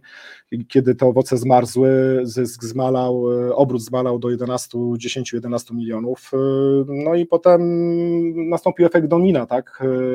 Rynku, którego mieliśmy, rynek, z którym handlowaliśmy wschód przez 30 lat, praktycznie z dnia na dzień przestał, przestał istnieć. Na rynku krajowym doszło do dumpingu cenowego, bo handlowaliśmy z sieciami Auchan, Makro, Kaufland inne, to były 2-3 miliony rzędu obrotu, panie redaktorze, miesięcznie, natomiast marży, którą mieliśmy na początku 8, 5, 3, doszło do dumpingu cenowego minus 30%, to nie było sensu tak wysyłać owoców, żeby... Czy po prostu wielkie sieci wykorzystywały to, że bardzo. rynki się zamknęły i bezwzględnie... Bardzo, z 4-5 podmiotów na początku handlujących na przykład na platformie Auchan zrobiło się 45-47 i zagraniczny kapitał bardzo szybko to wykorzystał, no więc no nie było tu mowy o jakichś ruchach w jedną czy drugą stronę. Myślę, tak? że nikt nie ma wątpliwości, że obiektywne trudności spowodowały e, problemy. E, tak, ale wśród miejskiej spółdzielni mieszkaniowej, e, panie redaktorze, też może warto wspomnieć, e, pięć lat zarządza tym majątkiem, zarządzał pan syndyk Krzysztof Gołąb. E, z tego co pamiętam, to było ponad 10 milionów e, dodatkowego zadłużenia. Pan syndyk wykorzystywał mieszkańców opłaty za gaz, za wodę, za ciepłą wodę na utrzymanie w pierwszej kolejności swoje, swoich prawników i całego personelu, a potem za resztę no, płacił to, co mógł do miasta, tak, więc... Zrozumcie Państwo, bo to jest bardzo proste. Mhm. Syndyk przychodzi, jest klepnięty przez sąd, bo to nie jest zatwierdzony, tak. tak. Zatwierdzony przez, przez sąd. niezależny sąd, pamiętajmy. Tak, niezależny. E, który jak wiadomo zobaczycie już niedługo, jak skutecznie odzyskuje dla wierzycieli e, e, ich należne im środki. I mhm. on, jego celem jest doprowadzenie do tego, żeby długi zostały spłacone, no i to daje też szansę dalszej działalności. Tak. A tymczasem mhm. on zamiast spłacać długi, robi sobie kranik i z całego majątku, który ma e, służyć przede wszystkim wierzycielom, najpierw nalewa sobie i potem, potem, już niewiele zostaje w ogóle e... dla innych wierzycieli. Panie redaktorze, ja panu coś powiem. No ale to, to powiedzmy, to co? Bo to jest jakaś pewnie, pewnie każdy z nas myśli sobie, ok, no to on prowadzi i dostaje tam co miesiąc, nie wiem, kilkadziesiąt tysięcy, no nie wiem, jakieś tam honorarium, tak? Mhm. Czy są bo e, każdy by to zrozumiał, ale tam się pojawiają koszty, które po prostu rozrastają się jak jakaś dżungla, no. Zgadza się, koszty za wynajem, koszty za obsługę prawną, koszty za opinię, za ekspertyzy, za opisy, operaty, oszacowania przedsiębiorstwa i tak dalej. Moglibyśmy tutaj długo to wymieniać. E, może warto wspomnieć, że mm, wśród Miejskiej Spółdzielni Mieszkaniowej przez 8 lat upadłości, czyli 5 lat rządów byłego syndyka Krzysztofa Gołębia, wierzyciele dostali 0 mm, złotych. We Fruit Logistic wierzyciele... 5 lat, 0 złotych. Z zarządów tylko syndyka Gołębia. E, we Fruit Logistic po czterech latach upadłości wierzyciele dostali 0, 0 złotych. Ja pamiętam taką, takie pismo, które pan syndyk... Czyli złożył. można zaryzykować taką tezę, że te wszystkie koszty, które e, sobie e, pokrywa syndyk, mhm. no przyniosły zerowy efekt. No tak? Zero, panie redaktorze, jest zero, szanowni no państwo, więc tak. nic więcej z tego nie będzie. Natomiast, panie redaktorze, tu dobre, dobre pytanie się nasuwa, bo Ministerstwo Sprawiedliwości zawiesiło licencję w trybie natychmiastowym 7 czerwca pana Krzysztofa Gołębia. E, tylko tak jak powiedział pan e, Marcin Warchoł e, w Onet Opinie, bodajże to było 24 listopada 2022 roku, że żeby nie sędziowie nie byłoby afery upadłościowej, żeby nie sędziowie nie byłoby afery reprywatyzacyjnej i tu się zgodzę. Szanowni Państwo, ja powiem tak, do dzisiaj do godziny 12 myślałem, że rzeczywiście po odwołaniu został odwołany pan syndyk Krzysztof Gołąb przez Sąd Upadłościowy, Piąty Wydział Gospodarczy w Radomiu, pani kierownik mnie o tym poinformowała, natomiast miejsce to został wyznaczony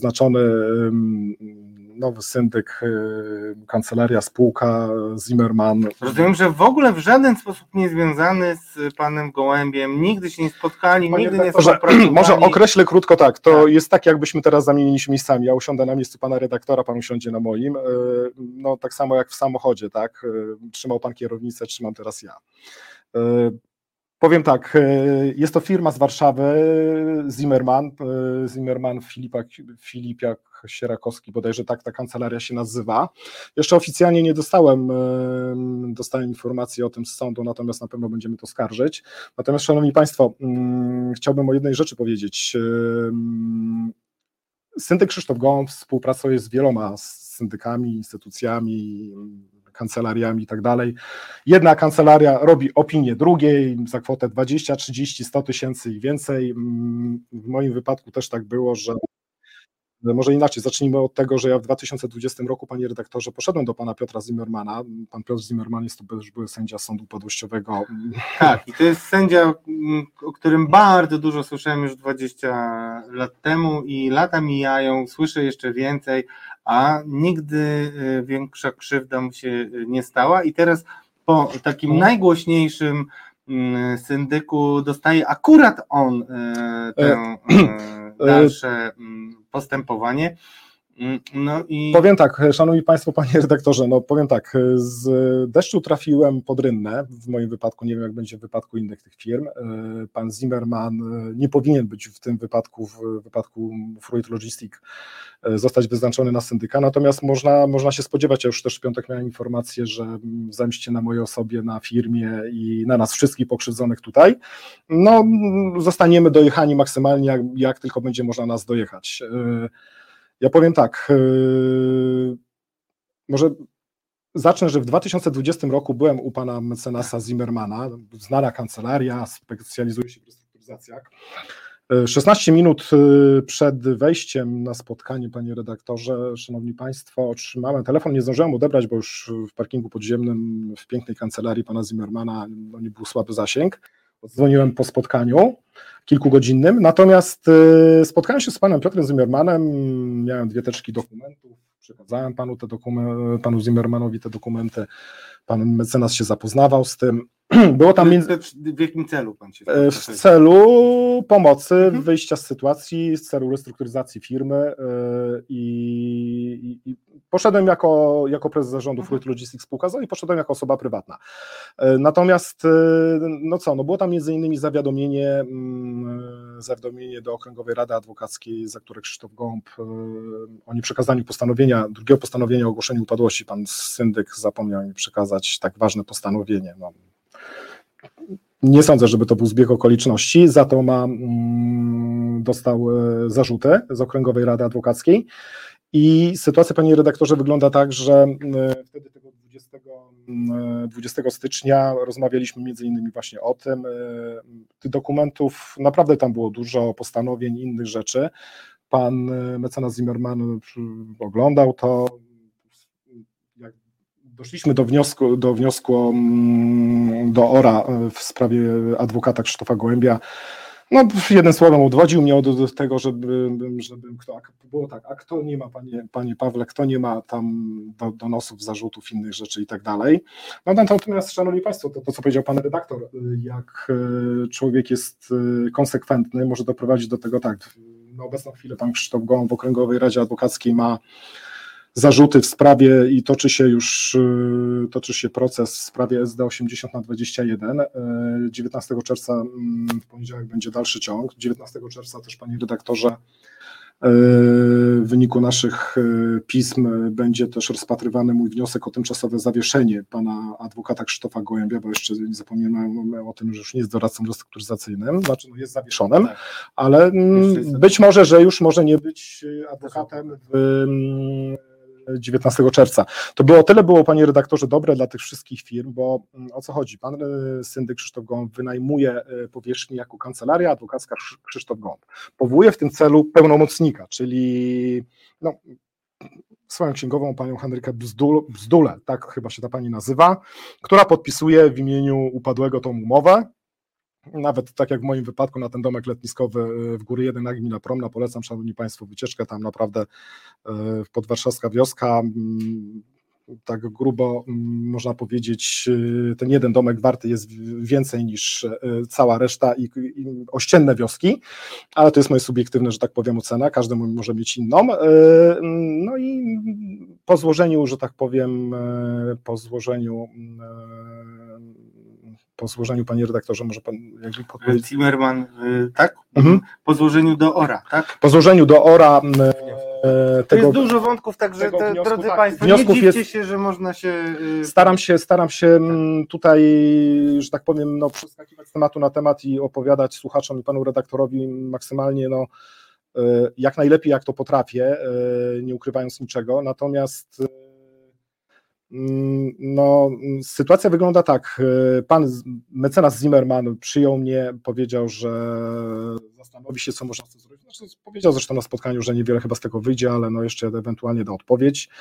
E, I co? I zrobił e, w Okręgowej Radzie Adwokackiej toczy się właśnie ta sprawa do 80 na 21 panie redaktorze, mm, dotyczy nieprzekazywania korespondencji, czyli tego drugiego zawiadomienia, drugiego postanowienie o ogłoszeniu upadłości i sytuacja wygląda tak, że mm, pan mecenas, mecenas Zimmerman Sierakowski, jakby pani pokazał tutaj, będzie tak, ta proszę. opinia. To jest dość istotne. Tak, sporządził taką opinię, już tutaj państwo się podeprę notatkami, żeby no powiedzmy jasno, mhm. pan Zimmerman nie, nie, nie bardzo jakby pana, no mówiąc wprost, odwodził pana, to jest moje. E, tak, już, tak. E, od tego, żeby e, wyciągać jakiekolwiek sprawy panu Gołębiowi, ale rozumiem, że nie pochwalił się tym, że, że współpracował z, z panem Gołębiem. Tak, szanowni państwo, mm, tutaj w tym zawiadomieniu do Okręgowej Izby Radców Prawnych, bo można powiedzieć, że sprawa jest prowadzona przez Okręgową Izbę Radców Prawnych. Złożyłem takie zawiadomienie, mm, Szanowni Państwo, 21 października 2022 roku yy, w sprawie radcy prawnego Piotra Zimmermana. Jest opinia z 2017 roku sporządzona dla praktykera z w upadłości. Yy, jest opinia, którą sporządził pan Zimmerman E, do posta- pan powie, co pan e, w tym zawiadomieniu. No, wiemy, że jest tak, opinia tylko... dla pana Gołębia, wiemy, uh-huh. że mhm. Zimmerman e, na spotkaniu pana zniechęca. Wiemy już, że to właśnie on ma sprzątać te sprawy, które, mm, mówię, bez podwójnego dna teoretycznie tak powinno wyglądać po, po panu Gołębiu, a tymczasem E, tymczasem, tylko dokończę jeszcze, panie tak. redaktorze, w sprawie. Opinia była w przedmiocie oceny prawidłowości postępowania Krzysztofa Gołęb, Gołąba, syndyka masy upadłości Freud Logistics spółka ZOW upadłości w świetle, w świetle artykułu 176 ustawy prawo upadłościowe. Dotyczyło to tego, że mm, no, nieprzekazanie, drodzy państwo, szanowny panie redaktorze, tej korespondencji, no to ja powinienem się o tą korespondencję upomnieć, choć mm, tysiące innych listów pan syndyk Krzysztof Gołąb wysyłał na adres korespondencyjny, ją dostawałem z różnymi trudnościami. Pomogła bardzo ta opinia. No, zo, panie redaktorze, zobaczymy, jaką sąd podejmie decyzję. Natomiast no, chciałem Państwu i panu redaktorowi pokazać, jak to działa. No i tutaj tak y, reasumując, pan y, Zimmerman mówi, że nie wiedział program komputerowy mu, że tak powiem, nie wyświetlił, że to ja byłem jako Paweł Paradowski, tłumaczył się, że to wina programu, nie jego, natomiast wiedzę, którą zdobył, no skoro współpracuje i są, że tak powiem, kolegami, to mm, no, jest wątpliwe, żeby nie wiedział tak o tym, że ma zarzuty, inne rzeczy, i, a zwłaszcza jeszcze mm, Umowa, którą przedstawiłem też jako załącznik z 2017 roku, która poświadcza, że współpracował e, z, z syndykiem Krzysztofem Gołębiem wcześniej. Tak? Rozumiem, to, to jedno, żeby wybrzmiało, no. bo niestety musimy kończyć, a jeszcze jest e, zagadka do rozwiązania. Jeszcze raz e, ponawiam, zgadnijcie kwotowo i procentowo, jaki z 3 miliardów, jaka kwota trafiła do wierzycieli. Trafia do wierzycieli. Cały, tak, trafia. Ogólnikowo. Całym, cały sąd upadłościowy, tak, żebyście wiedzieli, jak ten system działa. Ile razy w ogóle ktokolwiek z Państwa słyszał, żeby ci tak zaangażowani w reformę e, wymiaru sprawiedliwości politycy e, mówili właśnie o tym, że wielkim problemem są e, sądy upadłościowe. Bo ja tak za dużo nie słyszałem, szczerze mówiąc, a wydawać by się mogło, że trudno o bardziej ewidentną stajnię Augiasza niż właśnie ten sąd, bo wiele z tych nieprawidłowości było akceptowanych przez sędziów. Potem ci sędziowie zostają e, no, wracają do, mhm. do innych kancelarii. Potem przyjmują takich ludzi, którzy szukają ratunku, nie mówią im nic, że doskonale się znają z tymi ludźmi, mhm. że nawet są skłonni jakieś tam opinie mm, i ze swojego e... doświadczenia te opinie raczej są pozytywne, tylko tak wszystko we własnym sosie, tak? I mhm. teraz ten sam pan, na którego, drodzy Państwo, zastanówcie się jeszcze nad jednym. Jakie są szanse pozytywnego załatwienia upadłości, załatwienia, czyli spłacenia wierzycieli i umożliwienia jakby zamknięcia tego etapu e, w życiu, e, e, kiedy sprawę tak zabagnioną przez pana syndyka Krzysztofa Gołębia przejmuje człowiek, który dawał mu wspaniałe e, opinie, oczywiście nie za darmo, bo za to konkretne kwoty z pieniędzy najczęściej też e, u, u, e, no, tych podmiotów, które są w upadłości uh-huh. finansowane dostawał. I jeszcze do tego ma zawiadomienie, jaką, jak, jak będzie się dobrze układać ta współpraca, skoro pan Paweł Paradowski złożył zawiadomienie do ORA i pewnie nie tylko, ale tutaj jest sprawa konkretnie ewidentna. Niespełna rok temu, tak? Niespełna rok temu, jeszcze nie rozstrzygnięta. Jeszcze nie rozstrzygnięta. I on mhm. dzisiaj, ten gość właśnie, ten pan Zimmerman ma naprawiać e, błędy po panu syndyku. Błędy po panu e, Gołębiu. No więc jak oceniacie szanse, to ja nie wiem. Nie wiem, jaką pan ma nadzieję, ale no, e, no, ma pan dosłownie dwie minuty na to, żeby skomentować e, ten obraz sytuacji i czy cokolwiek można zrobić w tej kwestii. Znaczy... Panie redaktorze, tak jak powiedziałem, zaskarżę, zaskarżę to postanowienie, jeżeli tylko je otrzymam. Nie wiem, czy pan, znaczy nie wierzę, żeby pan, kancelaria tak duża z Zimmermana nie była poinformowana o tym, czy chce to wziąć. Myślę, że to już było wcześniej zaplanowane. Zobaczymy też się, czy, czy, czy że tak powiem, przejmie inne upadłości. Ja dzisiaj rozmawiałem z panem prezesem, wiceprezesem Rafako, SA, tak chyba to się nazywa. Będziemy kiedyś rozmawiać o Rafako osobno. Tak, powiedział, powiedział pan wiceprezes, że oni otrzymali, że sąd, sąd otrzymał, dzisiaj jak jechałem do pana redaktora, tam było po 15 e, do Warszawy, otrzymał informację o tym, że jest zawieszona e, licencja pana syndyka Krzysztofa Gołębia i sąd do nich się zwrócił, żeby sobie wybrali jakiegoś syndyka, tak? E, znaleźli, więc pan prezes szuka tutaj. Życzę mu tutaj dużo sukcesów. Mam nadzieję, że nie wybierze kancelarii Zimmerman. Nie jestem w stanie ani polecić, ani nie polecić, szanowni państwo, więc nie będę tutaj robił reklamy. Natomiast, e, panie redaktorze, no, jak to się może skończyć, jeżeli byśmy się zamienili miejscami? No, raczej słabo to się może skończyć. Natomiast, panie redaktorze, jest jedna ważna rzecz. Uważam, że skoro ministerstwo zawiesiło e, licencję w trybie natychmiastowym, złożyło zawiadomienie do prokuratury w sprawie Krzysztofa Gołębia, powinno to ministerstwo tu też powiedzieć, że skoro powiedziało A i powiedzieć B i wyciągnąć konsekwencje wobec sędziów, którzy no ewidentnie zgodzili się na wynajem domku letniskowego, zawyżanie kosztów na tak horrendalne wynagrodzenia prawników, to wszystko akceptuje sędzia komisarz. No panie redaktorze, ja powiem tak, w mojej upadłości y, do dnia dzisiejszego, czyli do 14 czerwca 2023 roku, syndyk nie sprzedał nic. Nie udało mu się, tak? Skarżyłem mu, że tak powiem, pomagałem panie Krzysztofie panu, żeby pan uratować majątek, żeby pan nie sprzedał, udało mi się. Y, no nie było czasami łatwo, ale mam nadzieję, że pan nie zrozumie. E, natomiast e, w większości wypadków, e, na przykład tak jak inspektor, inspektor BHP, nieduża firma, gdzie koszt, koszt wynagrodzenia syndyka wyniósł, pan syndyk się tłumaczył w Polsacie, wyniósł ponad 800 tysięcy złotych. Ja rozmawiałem z, z kilkoma... Ale nie zaczynajmy kolejnych wątków, bo musimy, bo naprawdę zostały nam dwa, dwie minuty. Natomiast, pan będzie skarżył to postanowienie. Tak, będę skarżył. Natomiast tak. też złożę jutro pisma do, rozmawiałem się z Ministerstwem Sprawiedliwości w tej sprawie, do pana ministra Marcina Warchoła, do dyrektora Rejwera e, z prośbą o tym, żeby przyjrzeli się tym wszystkim tym, złożę też to zawiadomienie do wiadomości do tych instytucji, mogę je przekazać, nie mogę tak za bardzo w szczegółach mówić tutaj o nim. E, i mam nadzieję, panie ministrze, panie dyrektorze, że ministerstwo stanie na wysokości zadania i zrobi coś z tym problemem, bo żeby nie sędziowie, nie byłoby większości tych afer, można powiedzieć, że panie redaktorze, szanowni państwo, że tutaj syndyk jest w cudzysłowie takim skarbnikiem, który te pieniądze zbiera, a później no, dzieli według własnego uznania. Tak? No właśnie. Dużo... Natomiast y, jedno pytanie, nie wiem, czy ten konkurs się skończył. Ile tych procent z tych tak, 3 tak, miliardów tak. trafia do wierzycieli? No właśnie, drodzy Państwo, bo były różne, były tam 25% y, i tak dalej, i tak dalej. No to, drodzy Państwo, z 3 miliardów trafia 2%, jest to kwota 60 milionów. Szanowni Państwo, jak ja to powiedziałem e, kierowni, pani kierownik prokuratury Warszawa Mokotów w, listopa- w październiku 2000, czy w listopadzie, przepraszam, na początku 2022 roku, no to pani prokurator, pani kierownik była w szoku, w ciężkim szoku. Afera opłodu Amber Gold wynosiła chyba 840, tak, czy 60 milionów.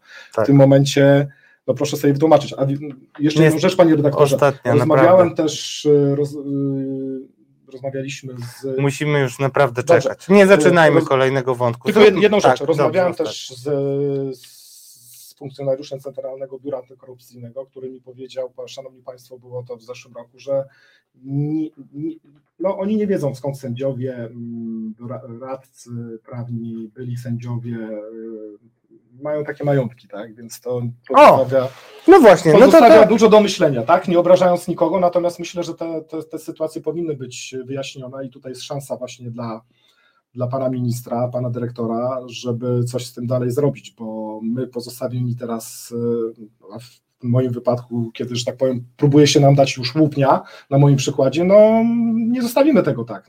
My już nie mamy nic do stracenia, będziemy na pewno to wszystko dalej ciągnąć. A my w Resecie Obywatelskim i nie tylko we wszystkich wolnych mediach, e, gdzie pracujemy, na pewno nie pozwolimy zamknąć tej sprawy bez konsekwencji. To była polityczna mafia, Paweł Paradowski. Dziękuję bardzo. Do tematu układu w sądach upadłościowych na pewno będziemy wracać. A teraz miejsca nienumerowane. Chłopaki, bardzo Was przepraszam i już czekam na Spidermana Uniwersum.